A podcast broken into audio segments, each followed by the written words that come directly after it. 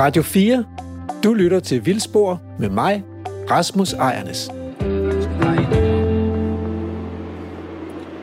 jeg lige finder ud af det. Det er nede omkring Horsens. Lidt efter Horsens. Skal vi dreje ind over. Så der, der slår jeg den til igen måske, for lige at være sikker på. Hvad er det, vi skal? Vi skal ud og se et øh, naturområde, som jeg har øh, kendt til i... Øh, Jamen, det ved jeg ikke, siden jeg studerede biologi, så jeg har vel kendt til det i 30 år snart. Og øh, Nørholm Hede hedder det. Øh, og der har man sådan et hedeareal, der har været fredet. Øh, hvor man simpelthen ikke har gjort noget i, i flere årtier. Øh, bare lavet naturen udvikle sig helt på sin egen vilkår. Og, øh, og, og det har jeg altid ønsket mig at se, fordi for biologer der er det noget fascinerende ved sådan nogle steder, hvor, øh, hvor vi mennesker bare lader naturen passe sig selv. Øh, så dels er det jo interessant om, om, øh, om, om de der øh, arter, vi finder på en hede, om de så er forsvundet helt, fordi at der ikke har været nogen at pleje heden. Og, øh, og så er det selvfølgelig også bare, at jeg måske bare nysgerrig efter at se, hvordan, har det, hvordan det har udviklet sig. Altså er der kommet skov for eksempel, og hvordan ser sådan en skov ud, der ikke er blevet plantet, men som bare har fået lov til at, at udvikle sig helt af sig selv. Og så skal vi jo møde nogle, øh, nogle af mine kolleger, som har forsket i området og, samlet biologiske data ind. Inger Kappel Schmidt, der er professor på Københavns Universitet, og David øh, Byriel Bille, som, eller Bille Byriel, bliver lidt i tvivl om, det må vi spørge ham om, øh, som har været øh, øh, PhD-studerende eller postdoc dernede. Det må vi også spørge ham om. Ja. Men som i hvert fald har været med til at, at studere insekterne i området. Så, så jeg tænker lidt, at øh, det er sådan lidt en opdagelsesrejse for mig i hvert fald. Ja. Og vi er, tør jeg sige, på vejen igen. Ja, der er sådan lidt øh, flashback til vores sommertur, og solen skinner, og det er smukt. Ja. Det har godt nok pissøs regnet hele natten, og, øh, og vi forventer, at nyt regnvejr kommer ind i løbet af eftermiddagen. Men vi satser på lige at, at nå det imellem de her to øh, fronter. Men, men øh, vi er på vej, vi, vi er på motorvejen, og, øh, og så er det jo sjovt nok også meget aktuelt, fordi, øh, fordi lige nu har regeringen øh, haft høring på sådan et lovforslag om en klimaskovfond.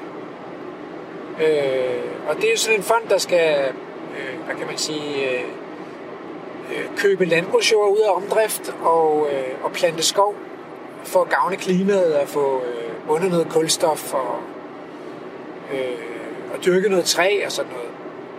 Øh, og, den, og den har været lidt omdiskuteret, ikke? Øh, jeg, jeg ved ikke, hvad, hvad, altså, hvad tænker du, når man, når, når, man, øh, når skovtilplantning, trætilplantning sådan bliver fremlagt som en del af den grønne omstilling i Danmark? Hvad, sådan, hvad tænker du som sådan umiddelbar reaktion? Jamen, jeg synes faktisk, det er, det er interessant at diskutere mellem os to, fordi umiddelbart synes jeg, det er jo godt for klimaet. Men øh, du, dit smil stivner lidt, når jeg siger det. fordi jeg ved jo også godt, at det, øh, det er jo ikke fordi, det, det gør noget godt for biodiversiteten. Det er jo ikke det, men det er vel ikke... Øh, jeg ikke, om det er det, regeringen tænker på, når de siger den grønne omstilling. Det kan vi måske også snakke om. Altså, som jeg forstår den grønne omstilling, så er det jo ligesom en stor bred vifte af tiltag, der skal gavne klimaet, og, og måske også skal mindske forureningen, og sikre noget gre- rent drikkevand. Og, øh, altså, så der både er nogle miljøaspekter, og så er der nogle naturaspekter, der også skal sikre en rigere natur. Og ja, måske også et, et, et rigt friluftsliv for danskerne, ikke, så man kan komme ud og opleve den her natur. Så jeg tænker, det, det er ret, den grønne omstilling er ret bredt.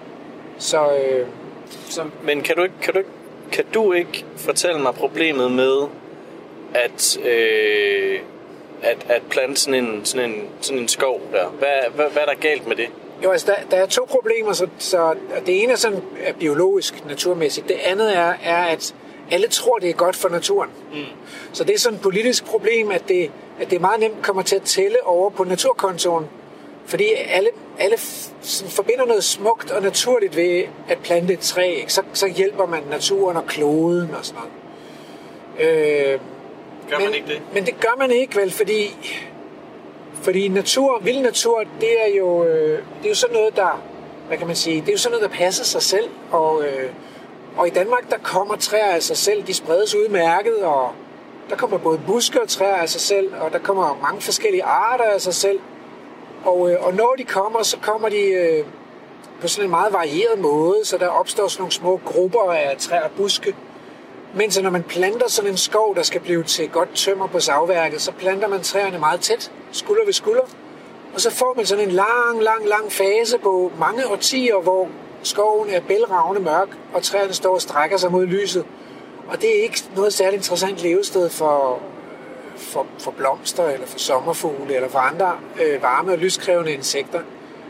Øh, og endelig så så er det jo en produktionsskov, man har, man har plantet. Det vil sige, at man vil typisk forsøge at opretholde et drænsystem, et system af, af drængrøfter, der kan holde jorden tør, så træerne vokser godt. Man vil forsøge at holde græsne dyr ude, så de ikke skader de opvoksende træer. Og man vil, og man vil endelig vil man jo øh, renholde bevoksningerne, fjerne det, der ikke hører til, og så vil man til slut fælde, fælde træerne i deres ungdom, inden de bliver til gamle træer og veterantræer. Så så får man sådan en, øh, en træmark, og i virkeligheden så er det jo sådan en slags produktionssystem, ligesom, ligesom den kornmark, man skiftede ud med skovrejsningen. Så man går bare fra et produktionssystem til et andet produktionssystem. Og vi ved, at, at de her produktionssystemer, det, det er dem, der er naturens problem i Danmark. Men, men i en i den moderne verden, vi lever i nu, hvor klimaet øh, har det sværere og sværere øh, er det så ikke meget godt, at vi, vi, vi har sådan en produktionsskov, måske så laver vi øh, møbler ud af det, og på den måde så laver vi CO2, øh, og så får på den måde ikke at udlede så meget CO2 i, i, øh, i Danmark. Jo, jo det, og det argument kan man jo ikke, altså det er jo fuldstændig et gangbart argument. Det som så er problemet, det er, at vi har arealkonkurrence i Danmark. Så vi har, vi, har, vi har ikke plads nok til alle de ting, vi gerne vil bruge pladsen til. Og, og det er jo det, hvor man må sige, hvis man skulle gøre tingene i den rigtige rækkefølge, så skulle man sætte sig ned, politikerne her, tænker jeg, og så sige, nu har vi den fulde lavkage her. Hvad er det så? Hvordan skal vi disponere den her lavkage, så vi sikrer os, at, at vi får tilgodeset alle de forskellige interesser? Og det, man må konstatere set fra naturens synsvinkel, det er, at lige nu har naturen ikke et lavkagestykke. Så der er ikke noget sted i Danmark, hvor vi har sagt, her har naturen første ret der er altid nogle landbrugshensyn, eller nogle skovbrugshensyn, eller nogle, noget landbrugslovgivning, eller noget øh, vandafledningslovgivning, eller sådan noget, som, som betyder, at naturen ligesom må indordne sig under hensynet til, at der bor mennesker i Danmark. Så hvis vi vil have noget plads, hvor naturen har første ret, så skulle vi måske prøve at starte med at sætte et mål for, hvor meget plads skal det være. Øh, og, og der har FN og EU jo allerede sat sig nogle mål. Og det var måske på tide, at, at vi i Danmark besluttede øh, øh, at sætte os nogle mål, fordi det, der sker lige nu, det er, at vi bare er gået i gang med at, at bruge pladsen igen, om jeg så må sige. Og det, og det koster jo penge at købe landbrug ud af, øh, og, og, og, og købe landbrugene til at stoppe omdriften, og det koster også penge at plante skoven, og, og hvis nu i virkeligheden, at det vi har allermest brug for i Danmark, hvis man satte sig ned og kiggede på det, det var plads til noget vild natur, så skal man jo lade være med at gå i gang med at bruge pladsen, før man øh, ligesom har fundet, fundet pladsen til den vilde natur. Okay, men nu kommer det virkelig hårde spørgsmål. Når du siger, hvis det nu måske er det, vi har allermest brug for i Danmark, er vild natur, men er det, er det det, vi allermest har brug for i Danmark? Det er jo et politisk spørgsmål, så det er også derfor, jeg parkerer den lidt hos politikerne og så sige, nu er de gået i gang med at bruge af pladsen, men de har glemt at, at starte med at sætte sig noget mål for pladsen. Øh, så, så det bliver jo, et, altså det kan jo kun blive et personligt svar. Og jeg mener, vi i Danmark har både råd til og brug for nogle områder, som ikke er, hvad kan man sige, disponeret til nyttige formål og produktion, øh, men civil natur. Og, øh, og det vil jo altid blive en mindre del af landarealet, så vi vil jo disponere den største del af landarealet til nyttige formål til os mennesker. Sådan bliver det jo. Men her kunne man jo godt stille spørgsmålet, er skovbrug virkelig vigtigt at gøre i Danmark? Altså, der er jo masser af vores nabolande, der har masser af skovbrug, og som har klipper, der ikke, hvor der ikke kan dyrkes fødevarer. Så måske skulle vi lade, lade, lade Sverige og, og Norge og de baltiske lande dyrke nogle af de her træer til markedet. Øh, og så kan vi jo bytte med nogle af vores glimrende landbrugsprodukter, fordi vi har så god landbrugsjord i Danmark. Og så i stedet bruge den ledige plads til noget vild natur. Ja, fordi det er egentlig mit næste spørgsmål. Der er jo, der er jo, det er også et penge øh, issue. Øhm, så hvis vi ikke laver produktionsskov og tjener penge på det, øh, og det i stedet skal omlægges til vild natur, som vi så ikke tjener penge på, hvor skal vi så tjene penge? For der skal jo penge ind på, der skal jo penge ind i statskassen. Ja, og der vil jeg sige, at, at hvis, man, hvis man tager de arealer i Danmark i dag, som, er, som ikke egner sig godt til landbrugsproduktion, altså steder, som, som ligger hen i dag, som heder, enge, overdrev, moser, øh, klitter, øh, og så nogle af de gamle skove, øh, og så måske nogle af de altså mest marginale landbrugsjord. Man taler jo i dag om at tage, tage landbrugsjord, der ligger på meget våd bund, ud af omdrift, fordi det, det har nogle store miljøkonsekvenser at dyrke dem. Jamen, så ender man på sådan en 15-20 procent af landarealet, uden at, man har, uden at man har taget noget af det, som virkelig er vigtigt at, at have fødevareproduktion på. Øh, så man kunne godt finde en 15-20 procent, tænker jeg, som ikke vil gøre ondt på samfundsøkonomien. Men der vil jo være en engangsomkostning ved at tage dem ud af drift, fordi der, vil jo, der er jo nogle ejere i dag, som vil, som vil sige, at hvis, hvis jeg sådan helt skal opgive øh, nogle former for nyttiggørelse af de her arealer, så, for, så forventer jeg at få en udbetalt en erstatning af en eller anden art. Ikke? Så det, og det er jo også derfor, man ikke har gjort det i Danmark. Det er jo fordi, at, at man ikke har været villig til at betale for, at naturen fik første retten. Og det koster selvfølgelig noget at give naturen første retten. Men det er jo ikke en... Øh, det er jo ikke en øret og flaben tur, uden at jeg har fundet et stykke musik, eller det gør jeg jo faktisk rimelig konsekvent efterhånden i Vildspor, men jeg har jo fundet noget til, til turen. Faktisk en musiker, øh, som jeg spillede for dig, da vi var på vores tur, men som ikke kom med i radioen, som hedder Nico Case, øh, som jeg er meget glad for. Hun, hun skriver meget om natur, øh, og hun er meget glad for, for, for dyr og, og for, for den vilde natur i os mennesker. Den hedder Last Lions of Albion. Og Albion, det er det gamle navn for, for den ø, der ligesom udgør England. Øh, og det, det er en sang, hun har skrevet om det her med, at der engang har været løver i, i England. Øh, og det er der så selvfølgelig ikke mere nu. De er blevet udryddet. Men til gengæld så er det noget, de bruger meget i deres... Øh, øh, symboler, altså på deres våbenskjold, penge, ja. øh, statuer og sådan noget. Ikke? Og det synes hun er på en eller anden måde ret hyggelig, at man har udryddet et dyr, og nu bruger man det som, som symbol på, at det er, vi er, vi er ligesom løverne, vi er stærke, og vi har dem på vores våbenskjold og sådan noget. Øh, og der er også referencer til den, til den tasmanske tiger, som jeg er ret fascineret af selv, som jo også er et, et dyr, der er udryddet nu.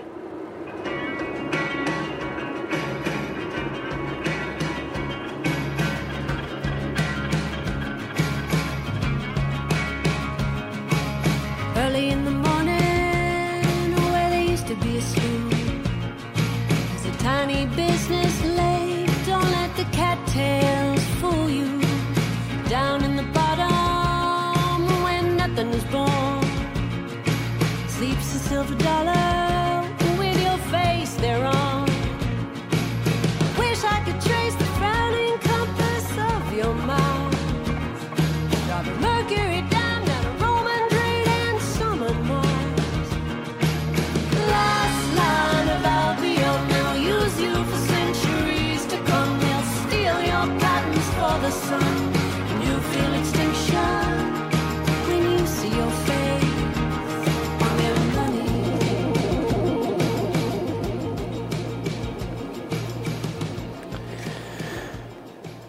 Nu er vi faktisk øh, fremme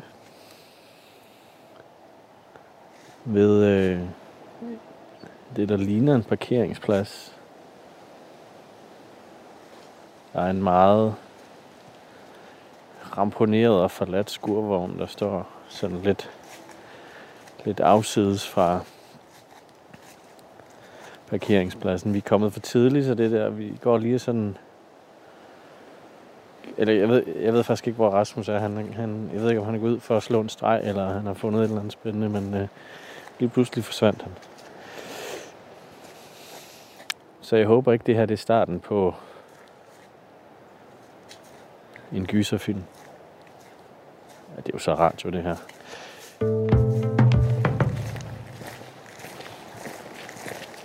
Hej. Dejligt, vi mødes også. Ja, og goddag. øh, der er dejligt vejr, i hvert fald øh, Midlertidigt. midlertidigt. Jamen, jeg så bare, jeg kommenterede, fordi jeg havde kigget på øh, øh, Sjælland, og det så rigtig fint ud, og så kom jeg til at kigge på herover, så stod der 36 mm i dag. Vi skal igennem øh, et par byer på vejen. Men Ja. hvis vi er heldige, så har vi... Øh, To-tre timer. Ja. ja. ja, vi tager vejr. Men det vil sige, at vi skal lige forsøge at få noget fodtøj på, og, og en jakke og sådan noget. Jeg tror, det har regnet så meget i nat, så der vil være vådt alle steder. Jamen, der er altid vådt her. Nej, ikke i 2018, men ellers så øh, får man generelt våde fødder. Ja. Øhm, og det er blevet værre. Det, så, Eller bedre. eller bedre.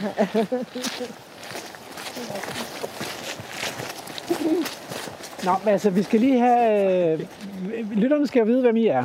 Ja. Øh, og jeg ved jo, at, øh, at vi har professor Inger Kappel Schmidt med her fra øh, Københavns Universitet, Institut for Geovidenskab og Naturforvaltning. Og David Bille Byriel. Er, er er det den rigtige rækkefølge? Ja, ja. det er den rigtige. Øh, og, og hvad er, du arbejder samme sted Ja, som jeg er- forsker, men er du Ph.D. eller postdoc? studerende. Ja. Øh, jeg er ved at færdiggøre min Ph.D., som øh, handler om insekter i forhold til naturforvandling, og især i forhold til urørthed. Altså, øh, øh, altså længere var end et, for eksempel i skov og på hede, når de har stået i længere tid urørt. Fri succession. Ja. Og derfor giver det jo mega god mening, du er med her i dag, Jamen, det gør det. fordi du også har forsket herude. Ja, jeg har nemlig samlet insekter herude, øh, sammen med andre heder også, men øh, Nørholm har været en af lokaliteterne. Og, og hvorfor er du med herude? Er det sådan en gammel kærlighed, det her Nørholm Hede, eller hvad er det, der... Øh, hvad er det, der? Jamen, øh, det er det gamle kærlighed, og, øh, men, øh, men det gør jo heller ikke noget. Nej, det er også forskning. Øh, da jeg i sin tid blev ansat på Skov og Landskab, som nu er Institut for Geovidenskab og Naturforvaltning, eller IGN i kort tale, så, øh, så fik jeg Nørholm Hede på mit bord, og det var jo rigtig, rigtig interessant, fordi der lå undersøgelser helt tilbage fra 1921 af øh, øh, vegetation og tilgroning øh, af heden, efter den var øh, den gamle hedelandbrug, det var blevet øh, opgivet der i 1895, og så var det ellers bare overgået til fri succession. Og øh, problemet har egentlig været, at det er, det er jo oplagt at lave en masse forskning her, men øh, folk har syntes, det har været alt for langhåret biologi, øh, i hvert fald i en overrække, og det er først her inden for de senere år, at vi har kunnet få penge til forskning herude. Så man kan sige, at nu er håret vokset så langt i fri succession, øh, at det har været muligt at få noget biologi med ind i forskningen. Ja. Langhåret biologi. Ja. ja. Jamen, det er ikke engang lyv. Øh, altså, jeg, øh, jeg søgte penge tilbage. Det har nok været 15 år siden eller sådan noget, og, og øh, havde samtaler med forskellige fonde, og så fik jeg besked tilbage om, at jamen, det ville de ikke øh, finansiere, og så sådan under hånden, så hørte jeg så deres diskussioner, at det var netop, det var for langhåret biologi. Øh, det er de der frie processer og sådan noget, det øh, altså, de vil hellere se nogle instrumenter og noget DNA og noget forskelligt andet. Så det er ja. Det er sgu meget interessant, altså.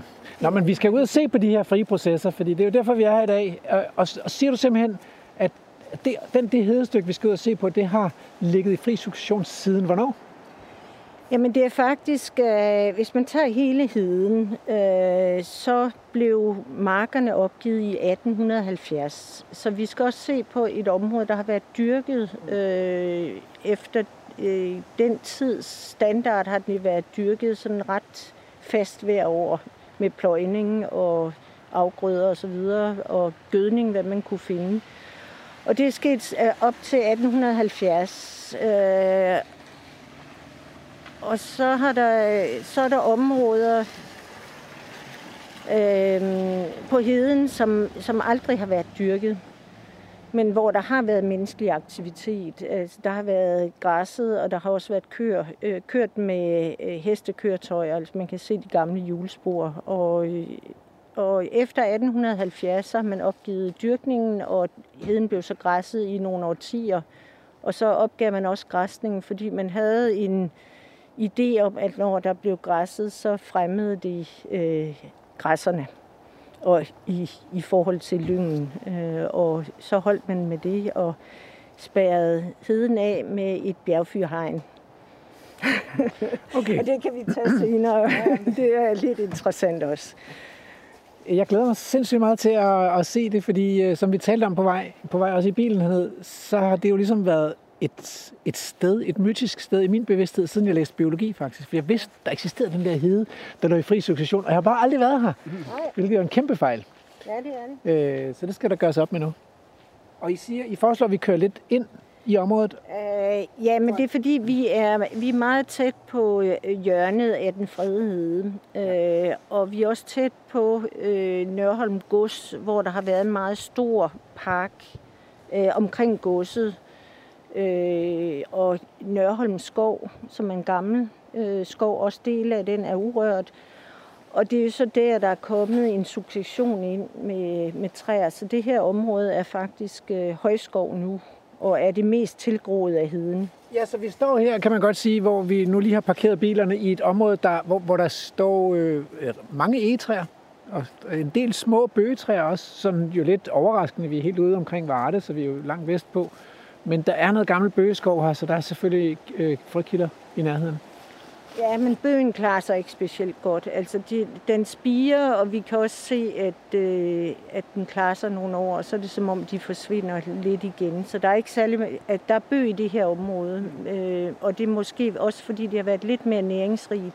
Fordi de har jo kørt med, øh, de dyrkede marker ligger syd herfor, og, og de har jo så kørt, transporteret øh, gødning igennem det her område, og det er nok også derfor, at, at skoven klarer sig så godt heroppe i det her hjørne. Der er også noget ahorn og sådan noget, ja. som man heller ikke forbinder med, med den fattige jyske jordbund. Nej, men der, er- der, er- der er mere næring her, end der, har, der er så mange andre steder. Lad os, øh, lad os komme afsted.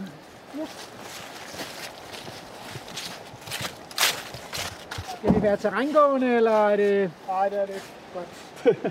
det er sådan en lidt lille stand. Vi. Vi, holder, vi, holder, vi, kører, vi kører ned øh, på kant, den, den sydlige kant af heden, og så vender vi dernede og parkerer så på, øh, på vej tilbage af. Okay.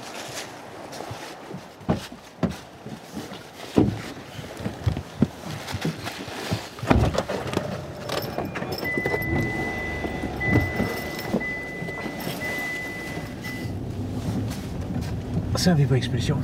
Yes.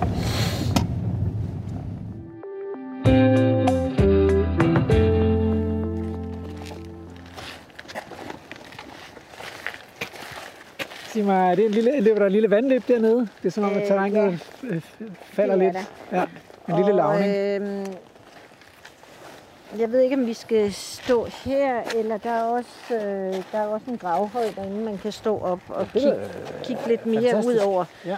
Fordi det her, det er sådan et af de områder, hvor vi har lavet en del af vores forskning, og, og hvor der også er øh, rigtig mange kulturspor. Fordi det, vi kigger ind på her mod vest, Kan du prøve at beskrive, øh, beskrive hvad vi Ja. ser? Vi, øh, Nørholm Hede er en 350 hektar stor hede, der er gennemskåret af to veje. Og der, vi er midt på den nord-sydgående vej. Ja.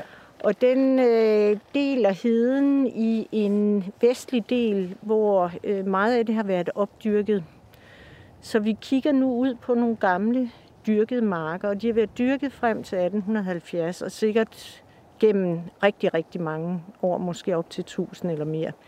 Så har de ligget her i halvanden hundrede år. Så har de ligget her i halvanden hundrede år, og, øh, og vi kan jo komme tilbage til, hvad vi stadig kan se af spor efter dyrkning, fordi det er meget, meget tydeligt, at øh, når man kigger ned i jordbunden, også kigger på vegetationen, at den er forskellig fra, hvad vi ser bag os.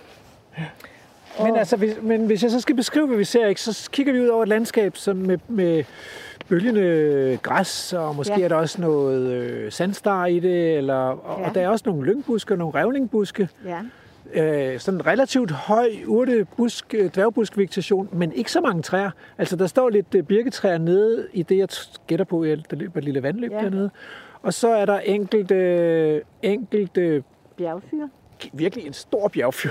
det er ikke Ja, men du har Men en, også nogle små øh, bjergfyr. bjergfyr og bjergfyr der. Og Ja. ja. så har du nogle, øh, også nogle fyrtræer, der er, begynder at ligne rigtige træer, og det er jo skovfyren. Øhm, Jeg tænker, den lave, den lave runde der, det må næsten være enten klitfyr eller bjergfyr, fordi den mangler det er, skovfyrens øh, røde det er- stamme. Ja, det er, det er bjergfyr, Ja, øhm, ja. Og, og det er der rigtig meget af herude. Men sammenlignet med det område, vi lige har kørt igennem, så er Ja. det her jo meget åbent. Man kan Ja. virkelig kigge øh, ja, næsten en kilometer derudad.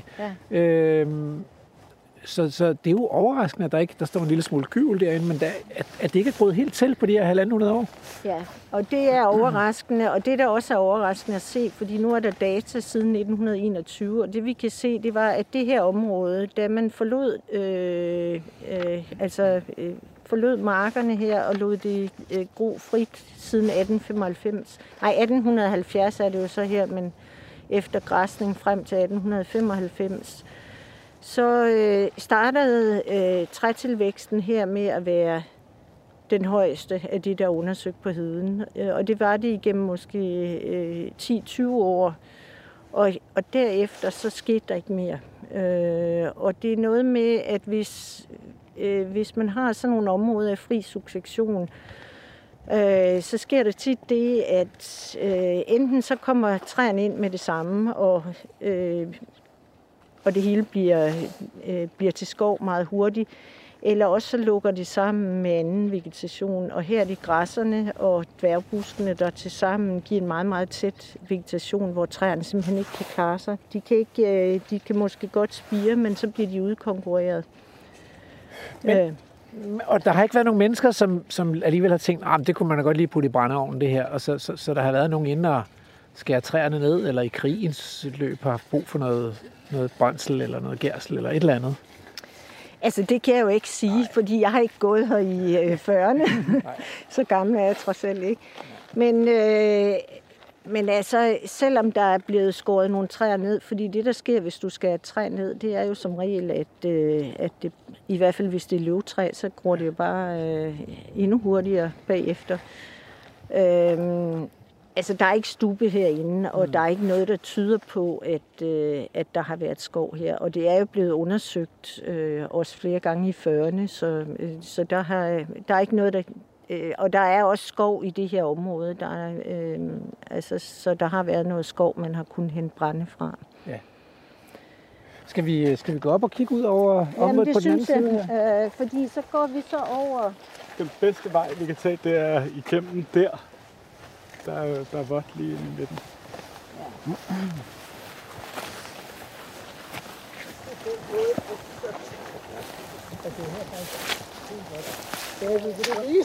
Hvis vi kan komme op til det der, så, så er det det bedste. Jamen, skal vi her ikke helt... Man kan også gå hele vejen hen. Altså op til, ja, til det der, der begynder noget... På den anden side af birketræet der, der er lidt tørre, eller hvad?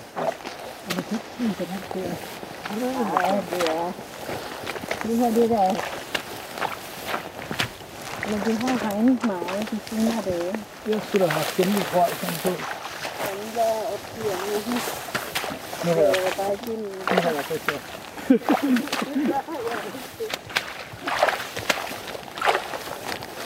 Lad os konstatere, at der er lidt vådere, end der plejer at være.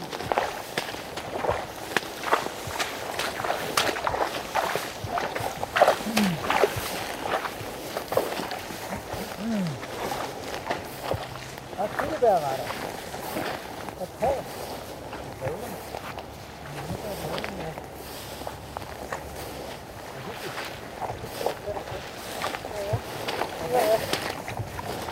Ja, kom du igennem tørskolen? Det går. Jeg har husket gummistøvlerne i dag. Det var heldigt. Det, Ah, var det ikke her, hvor der skulle være mindre vådt, altså? jeg forstår slet ikke. Den her, jeg skulle have... Vi, vi, vi, vi vil gerne op på de der tørre øh, klitter der. Ja, Ja, ikke? Jo, Men, vi øh, skulle... Jeg synes altså, øh, det er... det dufter godt. har duftet dejligt, øh, Andrew. Uh, og det er pors, har dufter af. Du kan bare forestille dig, at du er til julefrokost, der kan man godt... Det er det, vi kalder en våd aften. Ja. Altså, det er, det er nogle gange problemet, hvis man er en zoolog. Hvis vej til at de er Nej, Rasmus. Mit eneste problem er egentlig, at mine gummistykker ikke er helt tætte. Men øh, det er en risiko. Jeg plejer jo at gå ind derovre. Og så, Jeg plejer at gå ind. Nå, men der er sådan en sti der. Der går igen. Men det er rigtigt, man kan gå bagom. Prøv at høre, det er altså for sent nu at sige, at I plejer at gøre noget andet.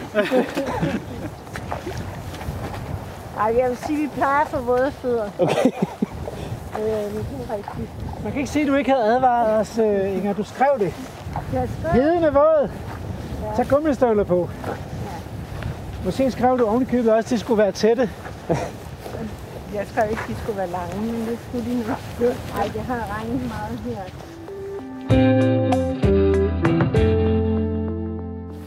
Prøv at høre. Det lykkedes. Ja. Vi klarede skærene. Vi kom igennem øh, Porsemosen. Og øh, står nu op på sådan en lidt øh, tørre øh, bakke. Er det i virkeligheden en gammel flyvsand, der har Jo, lagt sig er, her? øh, Det er en parabel klit, ligesom man ser som med øh, Råbjerg Mile og Sandmilen op ved Skagen. Det er bare så i mindre form. Og det er jo fordi, da man dyrkede markerne, og der kom storme, så var der ikke noget til at holde på sanden. Så, øh, så ja, Og den er bevokset med revling og lidt hedelyng. Men meget revling, som står fin og grøn nu på den her tid. Øh, Lyngen ser lidt mere vissen ud. Og så har vi været igennem øh, et område, hvor der som jo det fremgik var vådt, rigtig vådt. Og der voksede pors ned, så der duftede jo simpelthen af skønt og krydret. Ja. Men øh, den her del af heden, og det er jo sandsynligvis fordi, at den har været våd også. Den har ikke været dyrket. Øh, vi har ikke kunnet finde dyrkningsspor, fordi de er egentlig ret tydelige, når man kigger på de gamle luftfotos. Der kan man se hele strukturen, øh, og, og det er meget tydeligt, hvor der har været dyrket. Man har også kunnet, altså godset har også øh, gamle dyrknings øh, hvad hedder det, opgørelser, og der kan man også, som jo blev brugt i forhold til at betale tine. Og øh, der har man heller ikke noteret, at der skulle have været dyrket her der i 1800- og 1700-tallet, hvor man har opgørelser fra. Og det er stadigvæk et ret åbent landskab også på den her side af vejen. Øh, og nede i, i mosepartierne her, der står der så spredte birketræer, men, øh, men der, det ser ud til at være nogle relativt gamle, sådan lidt forkrøblede birketræer, og der er øh, masser af lys imellem træerne. De, de lukker på ingen måde til skov øh, her i det her område.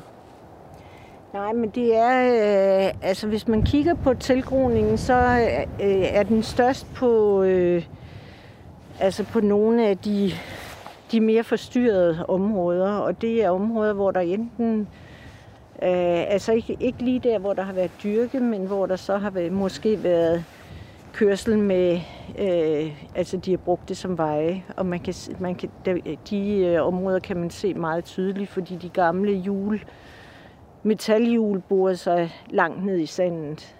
Så det ligger næsten som sådan nogle kæmpe pløjefuger, men øh, er dannet af kørsel. Og så hvis man kigger derover, det ligner nemlig også noget klit på den anden side af den lavning, hvor vi øh, alle sammen fik våde sokker faktisk. Øh, der ser det ud som om, at den, den, er, den er så grydet lidt til med bjergfyr. Ja. Så det var det, I sagde med, at, at på et eller andet tidspunkt, så er bjergfyren kommet ind. Man har plantet bjergfyrregn. Ja, men Se. det br- brugte man jo til sandflugt, ja, øh, og det var et, det materiale øh, var jo til stede, og så har man så gerne vil holde øh, køer og får ude af heden, fordi man var sikker på, at det var dem, der ødelagde heden. Mm. Øh, og det gjorde man så ved at plante bjergfyr, som er sådan busket fyr, som, som kan danne ret tæt hegn. Og det hører med til den her historie, ikke? at i gamle dage, der gik dyrene jo ikke rundt sådan på, øh, på ordentlig vis ind i øh, hver sin lille indhegning. Der gik de rundt ude i det store åbne overdrevslandskab øh, og, og måtte ligesom selv øh, finde deres føde. Så, så derfor så hegnede man dyrene ude dengang. Det gjorde man jo også for skovene i forbindelse med fredskovsforordningen. Så, så satte man et skovgager, og så blev dyrene hegnet ud af skoven øh, for at undgå deres skadelige græsning. Altså problemet her har jo så været, at man har ikke haft sten øh, til at lave stengære, som man ser øh, i de mere østlige egne. Og det er jo det, at øh, det vestlige Danmark var ikke isdækket i sidste istid. Øh, så det vi har her, det er jo mere sand, der er transporteret ud øh, fra under, under den iskappe, der var i det østlige Danmark. Skal vi gå op på den gravhøj, der ligger for enden af parabelklitten her? Ja, det synes jeg, fordi det giver et meget godt øh, blik ud over, over i hvert fald dele af heden. Altså, der er jo der er jo stadigvæk langt til øh, øh, den, den østlige ende. Og jeg vil sige, nu har vi været ude i noget, der er vådt, men der er øh, rigtig mange våde partier, øh, hvis vi går længere østpå. Og øh, det er måske ikke lige dagen til at gøre det. Jeg tror ikke, vi skal ud i det våde. Hvis vi har været igennem noget af det halvvåde nu, så tror jeg, vi springer det våde over. Nej, men der er alt muligt. Der er hængesæk, og der er alle mulige gode ting, når man, når man går rundt. Og, øh... Du skal lige forklare, hvad en hængesæk er, fordi jeg er ikke sikker på, at vi øh, har fået sådan en øh, forklaret grundigt i Vildspor. Nej, men det er jo heller ikke, øh, altså det er jo heller ikke her, man sådan ser de store, øh, veludviklede øh, højmoser, men, øh, men der, er, øh, der er enkelte steder her, hvor der er nogle huller, hvor der så begynder at gro mos, et mosdække ud over det der vandhul. Og så efterhånden får man så et opbygget et lag af vegetation ovenpå en lavbundet sø eller sådan noget, som så kaldes en hængesæk, fordi den ikke rigtig er rodfæstet ned i mineraljorden, men hænger ovenpå på vandet, eller dækker, eller fylder vandet ud. Og når man går i sådan en hængesæk der, når den sådan, altså i starten, der er den jo så, så tynd, at man ikke skal våge sig ud på den, men risikerer at gå igennem. Men når den så får lov til at vokse i, i mange år, så kan den blive så, så stærk, at den kan bære, at man går på den. Men så kan man mærke, at den gynger. Ja. Det er ret fascinerende at komme ud sådan et ja. sted og mærke, det gynger under fødderne på en. Det er det. Men, øh, men der har været mennesker i mange år, fordi vi er nu på vej op, mod, op på en gravhøj, og det ligner jo sådan en bronzealderhøj eller sådan noget. Ja. Ligger højt i landskabet. Altså det her område har jo været ret beboet, fordi så vidt jeg kan huske fra min børnelærdom, så øh, den nærliggende landsby heroppe, og jeg ved ikke engang, hvordan man udtaler det. Hodde eller Hotte. Nej, det ved jeg heller ikke. Og, det, og nu sidder de nok og griner øh, lokalt. Prøv begge dele. Men, øh, men det er jo, så vidt jeg husker, det er en af de helt gamle ja. øh, landsbyer. Og det er jo også, altså der har været adgang til, der er jo øh, Grænsted Å, der går ud i Vardeå og går rundt om Nørholm Hede. Og så der har været gode fiskemuligheder.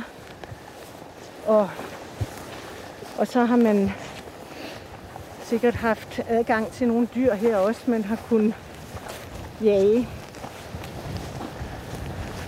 Der står et lille skilt der, der står nummer 9. Ja. Er det et forskningsskilt, eller er det et nej, det kultur? Er et, nej, det historisk er skilt. historisk skilt. Okay. Så det her, det er gravhøj nummer 9. Nå, men her er god udsigt ja. i et ellers fladt landskab. Og her kan man se nogle af forskellene med, at øh, vi har de gamle dyrkede marker der mod, mod vest. Og så har vi et meget blandet landskab af øh, tørre partier, hvor vi har dværgbruskheden og vådere områder, hvor det så, altså det er overvejende, noget af det er blåtop, og andet er forskellige starer og, og siv og kærul. Og man kan godt se, at der er rigtig dejligt vådt dernede i bunden. Ja, men det er det, og, og der er også, øh, nu blomstrer den ikke lige nu, men ellers så har vi også en del klokkelyng, ja. som øh, der, er, der er blevet vådere herude de sidste, de sidste 10 år måske, og der er også blevet kommet mere klokkelyng. Ja.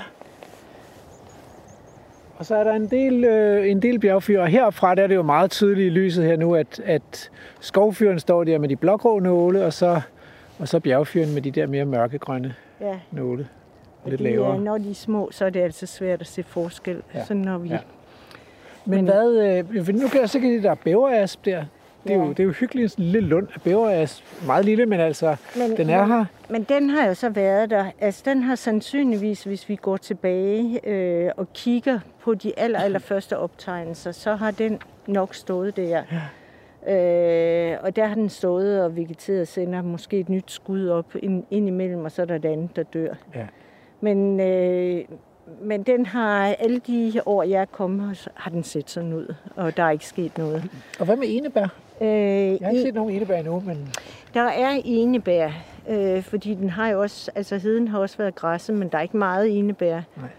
Og spørgsmålet er, det ved vi jo heller ikke om, øh, altså de er jo nok blevet fældet og brugt også til brændsel. Og det vil sige, at dem der er, er fra en relativt begrænset periode.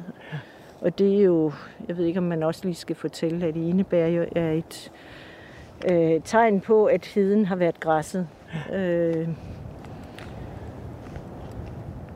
Men, øh, men så har I lavet noget forskning herude, det har ikke mindst i de senere år.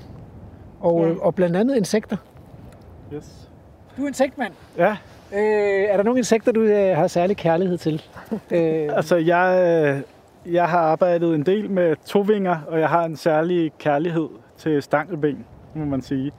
Og så, øh, så har jeg også kigget på, øh, på andre organismer, svigerfluer blandt andet, har jeg også en kærlighed for. Og så i det projekt, jeg har haft her i phd projektet har vi kigget på en masse forskellige grupper, blandt andet bier og biller og rovbiller, løbebiller og rovbiller, øhm, som jeg synes alle sammen er meget spændende, og de kan noget forskelligt også i forhold til økologi. men altså, hvis du kommer rundt om øh, tovinger, overvinger, biller, så- så er, du, så, så er der røget nogle tusind arter på kontoen der. Altså, Ja, ja, det, det er jo nogle artsrige grupper. Det er nogle meget artsrige grupper. Det er også det, der gør dem spændende, men jeg kan heller ikke artsbestemme dem alle sammen. Øhm, altså, jeg er, jeg er rigtig god til stankelben og øh, svigerfluer det er i forhold til Stankelben. arter. Ah, Du bliver nødt til at fortælle, hvor mange, hvor mange arter af stankelben kan man rende ind i her i det her lille land? Der er 270 arter af stankelben. Og det er bare sådan for at give perspektiv, det er jo altså samme størrelsesorden som de vilde bier, man snakker så meget Præcis. om. Og stankelben er... Og svigerfluerne er også lidt i samme øh, Ja, størrelse. det er det. De, er, altså, de, det, er det er også, de fleste af de grupper, der vi kigger på, det er samme størrelsesorden. Cirka 300 arter. Med undtagelse af rovbillerne, som, er, som er på 1000 arter. Men prøv at de fleste, tror jeg, har det ligesom mig. Stankelben, det er sådan nogle lidt irriterende, store, forvirrede nogen, som man får i hovedet øh, Ja. på sådan en sensommeraften der, fordi de flyver lidt rundt og Det er det, er det også. sådan set. bøvede og sådan noget. Så øh, kan du overbevise os om, at de også er lidt sexede eller interessante eller sådan noget? Hvad er, det- hvad er det, der er fascinerende ved stankelben? Jamen det er, jeg, jeg synes, at det, der er fascinerende, det er deres altså stille og rolige livvis. De er meget simple, de flyver ikke særlig langt. Så hvis du observerer nogle stankelben, så er det fordi, at de har haft deres æg i nærheden. Og det, øh, det, det gør dem egentlig til en god, øh, meget specifik indikator for et, øh, et konkret habitat. Altså sådan noget som svigerfluer og, og bier, øh, især svigerfluer, men også bier lidt, de flyver lidt længere. Så når du finder de voksne dyr, så er det ikke sikkert, det er der, de har levet. Det er faktisk sandsynligt, de har et andet sted, Hvis- hvor de har haft rede, eller Især deres larver er vokset op. svigerfluer for eksempel. Ja. Øh, og, og bier også, de flyver også. Det er meget forskelligt, øh, alt efter, hvad for nogle arter vi taler om. Men for stankelben, så er de altså meget nært tilknyttet det habitat, de bliver fundet i. Og det gør egentlig, at de er gode til at bruge til forskellige ting i forhold til diversitetsundersøgelser osv. Altså, jeg har set et stankelben i min have, eller faktisk nogle stykker, der sådan, det var som om, de fløj rundt og lagde æg på, på græsset. Gør, altså, lægger de æg lidt oven på jorden, eller hvordan gør de? Det har nok okay. været det der mosestankelben, som er et problem mange steder. Ja. Øh, de, de flyver sådan rundt, og så dapper de lige ned med halen, og så mærker de lige, om der er godt der. Og så, så ligger de nogle æg, hvis de finder det egnet. Men, øh, men der er jo rigtig mange arter. Der er også øh, en masse arter i dødt ved, blandt andet, som også gør dem super spændende, hvis man øh, især kigger på skov. Øh, så de har, de har en, en masse indikatorværdi, som er, som er ret spændende, synes jeg. kilder. Ja, især i, i vådområder. Altså, der er jo, der er jo sindssygt mange stammer. Herude, hvis man går ud i vådområderne herude, så finder man en masse arter også, og det er hammerne sjældne arter for, for hele Europa. Wow. Altså, det er, det er virkelig, øh, der findes nogle meget sjældne arter. Men hvorfor gør du det? Altså, er det, er det fordi, der ikke er nogen, der har kigget efter dem, eller er det fordi, at der er et eller andet særligt ved levestedet herude, eller hvad? Altså, det er nok en blanding af begge ting. Altså den der, øh, den øh, habitattype, vi har herude, altså den våde habitattype, tørremosen der, i, i forbindelse med, med hedelyng og andre ting. Der er bare en masse sjældne arter tilknyttet det. Og så er der også den ting, at der ikke er så mange, der har kigget på stankelben. Altså det er den tovinger generelt, men måske med undtagelse af svigerfluer, en overset gruppe. Øh, og derfor synes jeg også, det har været spændende at gå ind i, i noget som stankelben for eksempel. Så, så larverne lever af hvad? At spise, spise planter? Eller for, dødt ved? Eller hvad? Ja. Øh, de er typiske nedbrydere af dødt organisk materiale. Okay. Og så er der også dødvedsarter, og der er også en del af dem, som er, som er rovdyr, som larve. Okay. Øh, så de har en, sådan, øh, en forholdsvis varieret økologi inden for gruppen. Og findes både i skove og heder og vådområder, så man, de findes, er der noget et sted, man ikke, så ikke kan finde stankeben? Eller de hvad? findes stort set alle steder, øhm, men der er en klar gradient i, øh, altså artsrigdommen stiger med fugtighed. Så jo mere fugtigt der er, jo flere stankben vil du finde. Så, så sådan noget som sådan tør hede, altså der vil der ikke være meget få, måske nogle enkelte arter tilknyttet mos, øh, og så er der også nogle få arter, som kan leve i det, i det, i det tørre sand der, ikke? Men, øh, men der er nogle uhyre sjældne arter også i, på tør hede. Okay. Blandt andet en øh, art, vi har fundet herude, som hedder Limonia diluter. Det er sådan en... Øh, altså vi har det, ikke et dansk navn. Vi har ikke et dansk navn. Der, der er fire stankelben, som har et dansk navn. øh, så, så er der mangler at blive, at blive gjort noget. Men der er, en, altså, der er nogle uhyre sjældne arter, som også specifikt er fundet herude. Vi har ikke fundet dem andre steder. De findes formodentlig på en masse andre heder, men, øh, men vi har ikke, øh, vi har ikke fundet dem endnu. Myrer. Har I også studeret myrer herude? Det har vi. Ja. Det er så Rikke Reisner Hansen, som har kigget specifikt på myrer. Øhm, men der finder vi lidt det samme. Altså de, der, der er en høj densitet af myrer i de urørte hedetyper i forhold til plejende hedetyper. Øh, især pleje med maskinel slåning og sådan noget, det ødelægger den her mikrotopografi, som gør, at der er, der er færre myrer? Altså det ved jeg derhjemmefra, fordi øh, jeg, har ikke, jeg har ikke fået an, øh, anskaffet mig hverken hest eller noget andet, som, som skal gå og græs mit, øh, min, øh, min blomstereng. Så jeg har en øh, plæneklipper med opsamler, og, og det gør jo ondt i mig, hver gang jeg opdager, at jeg har kørt hen over en myretue, fordi man, det, den bliver jo flad, når man kører øh, sådan klippen af aggregat, ikke? Altså, og så skal de i gang igen med at bygge den op. Øh, så jeg begyndte simpelthen at prøve at få mærket min myretur af, så jeg kan klippe dem med saks. Ja, det, men det kan man jo kun, hvis man har en lille bitte have. Ikke? Ja, altså. ja men der, der kan man sige, det er jo også, øh, det var egentlig en af de første ting, der gjorde mig meget interesseret i hedepleje, det var at se, at man begyndte at pleje heder med nogle kæmpe, kæmpe store slagleklipper, hvor man kører hen over heden, som om øh, det var en dyrket mark, og så, øh, så laver man halmballer eller lyngballer af det, og så får man øh, efterhånden en fuldstændig flad mark. Til gengæld, så lykkes det jo for dem meget ofte at få et meget smukt tæppe af hedelyng. Det er rigtigt, og det ser da drøn godt ud, og, og, der og jeg er sikker på, at der for mange mennesker er en rigtig stor øh, herlighedsværdi i at gå øh, i sådan et område, hvor lyngen blomstrer, altså kilometer af, øh, hedelyng. Det, det er jo flot. Men det er også, øh, altså hvis man ser på heden, så er plantesamfundet jo relativt artsfattigt.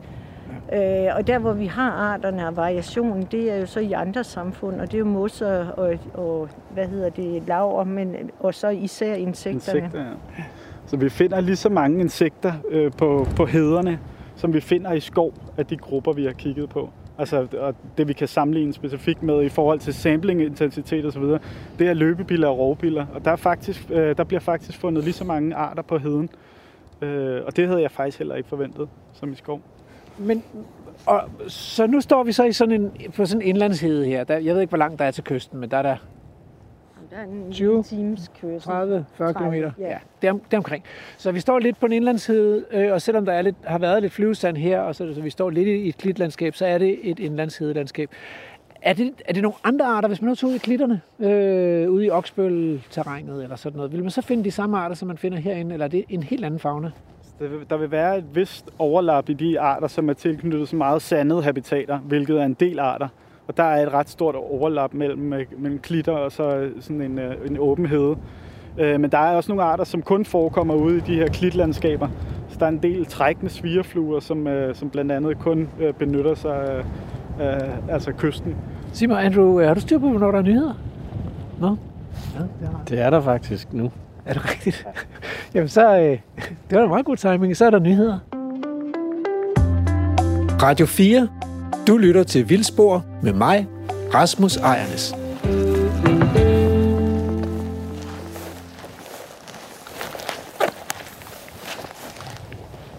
Træsker vi ned af gravhøjen og bevæger os øh,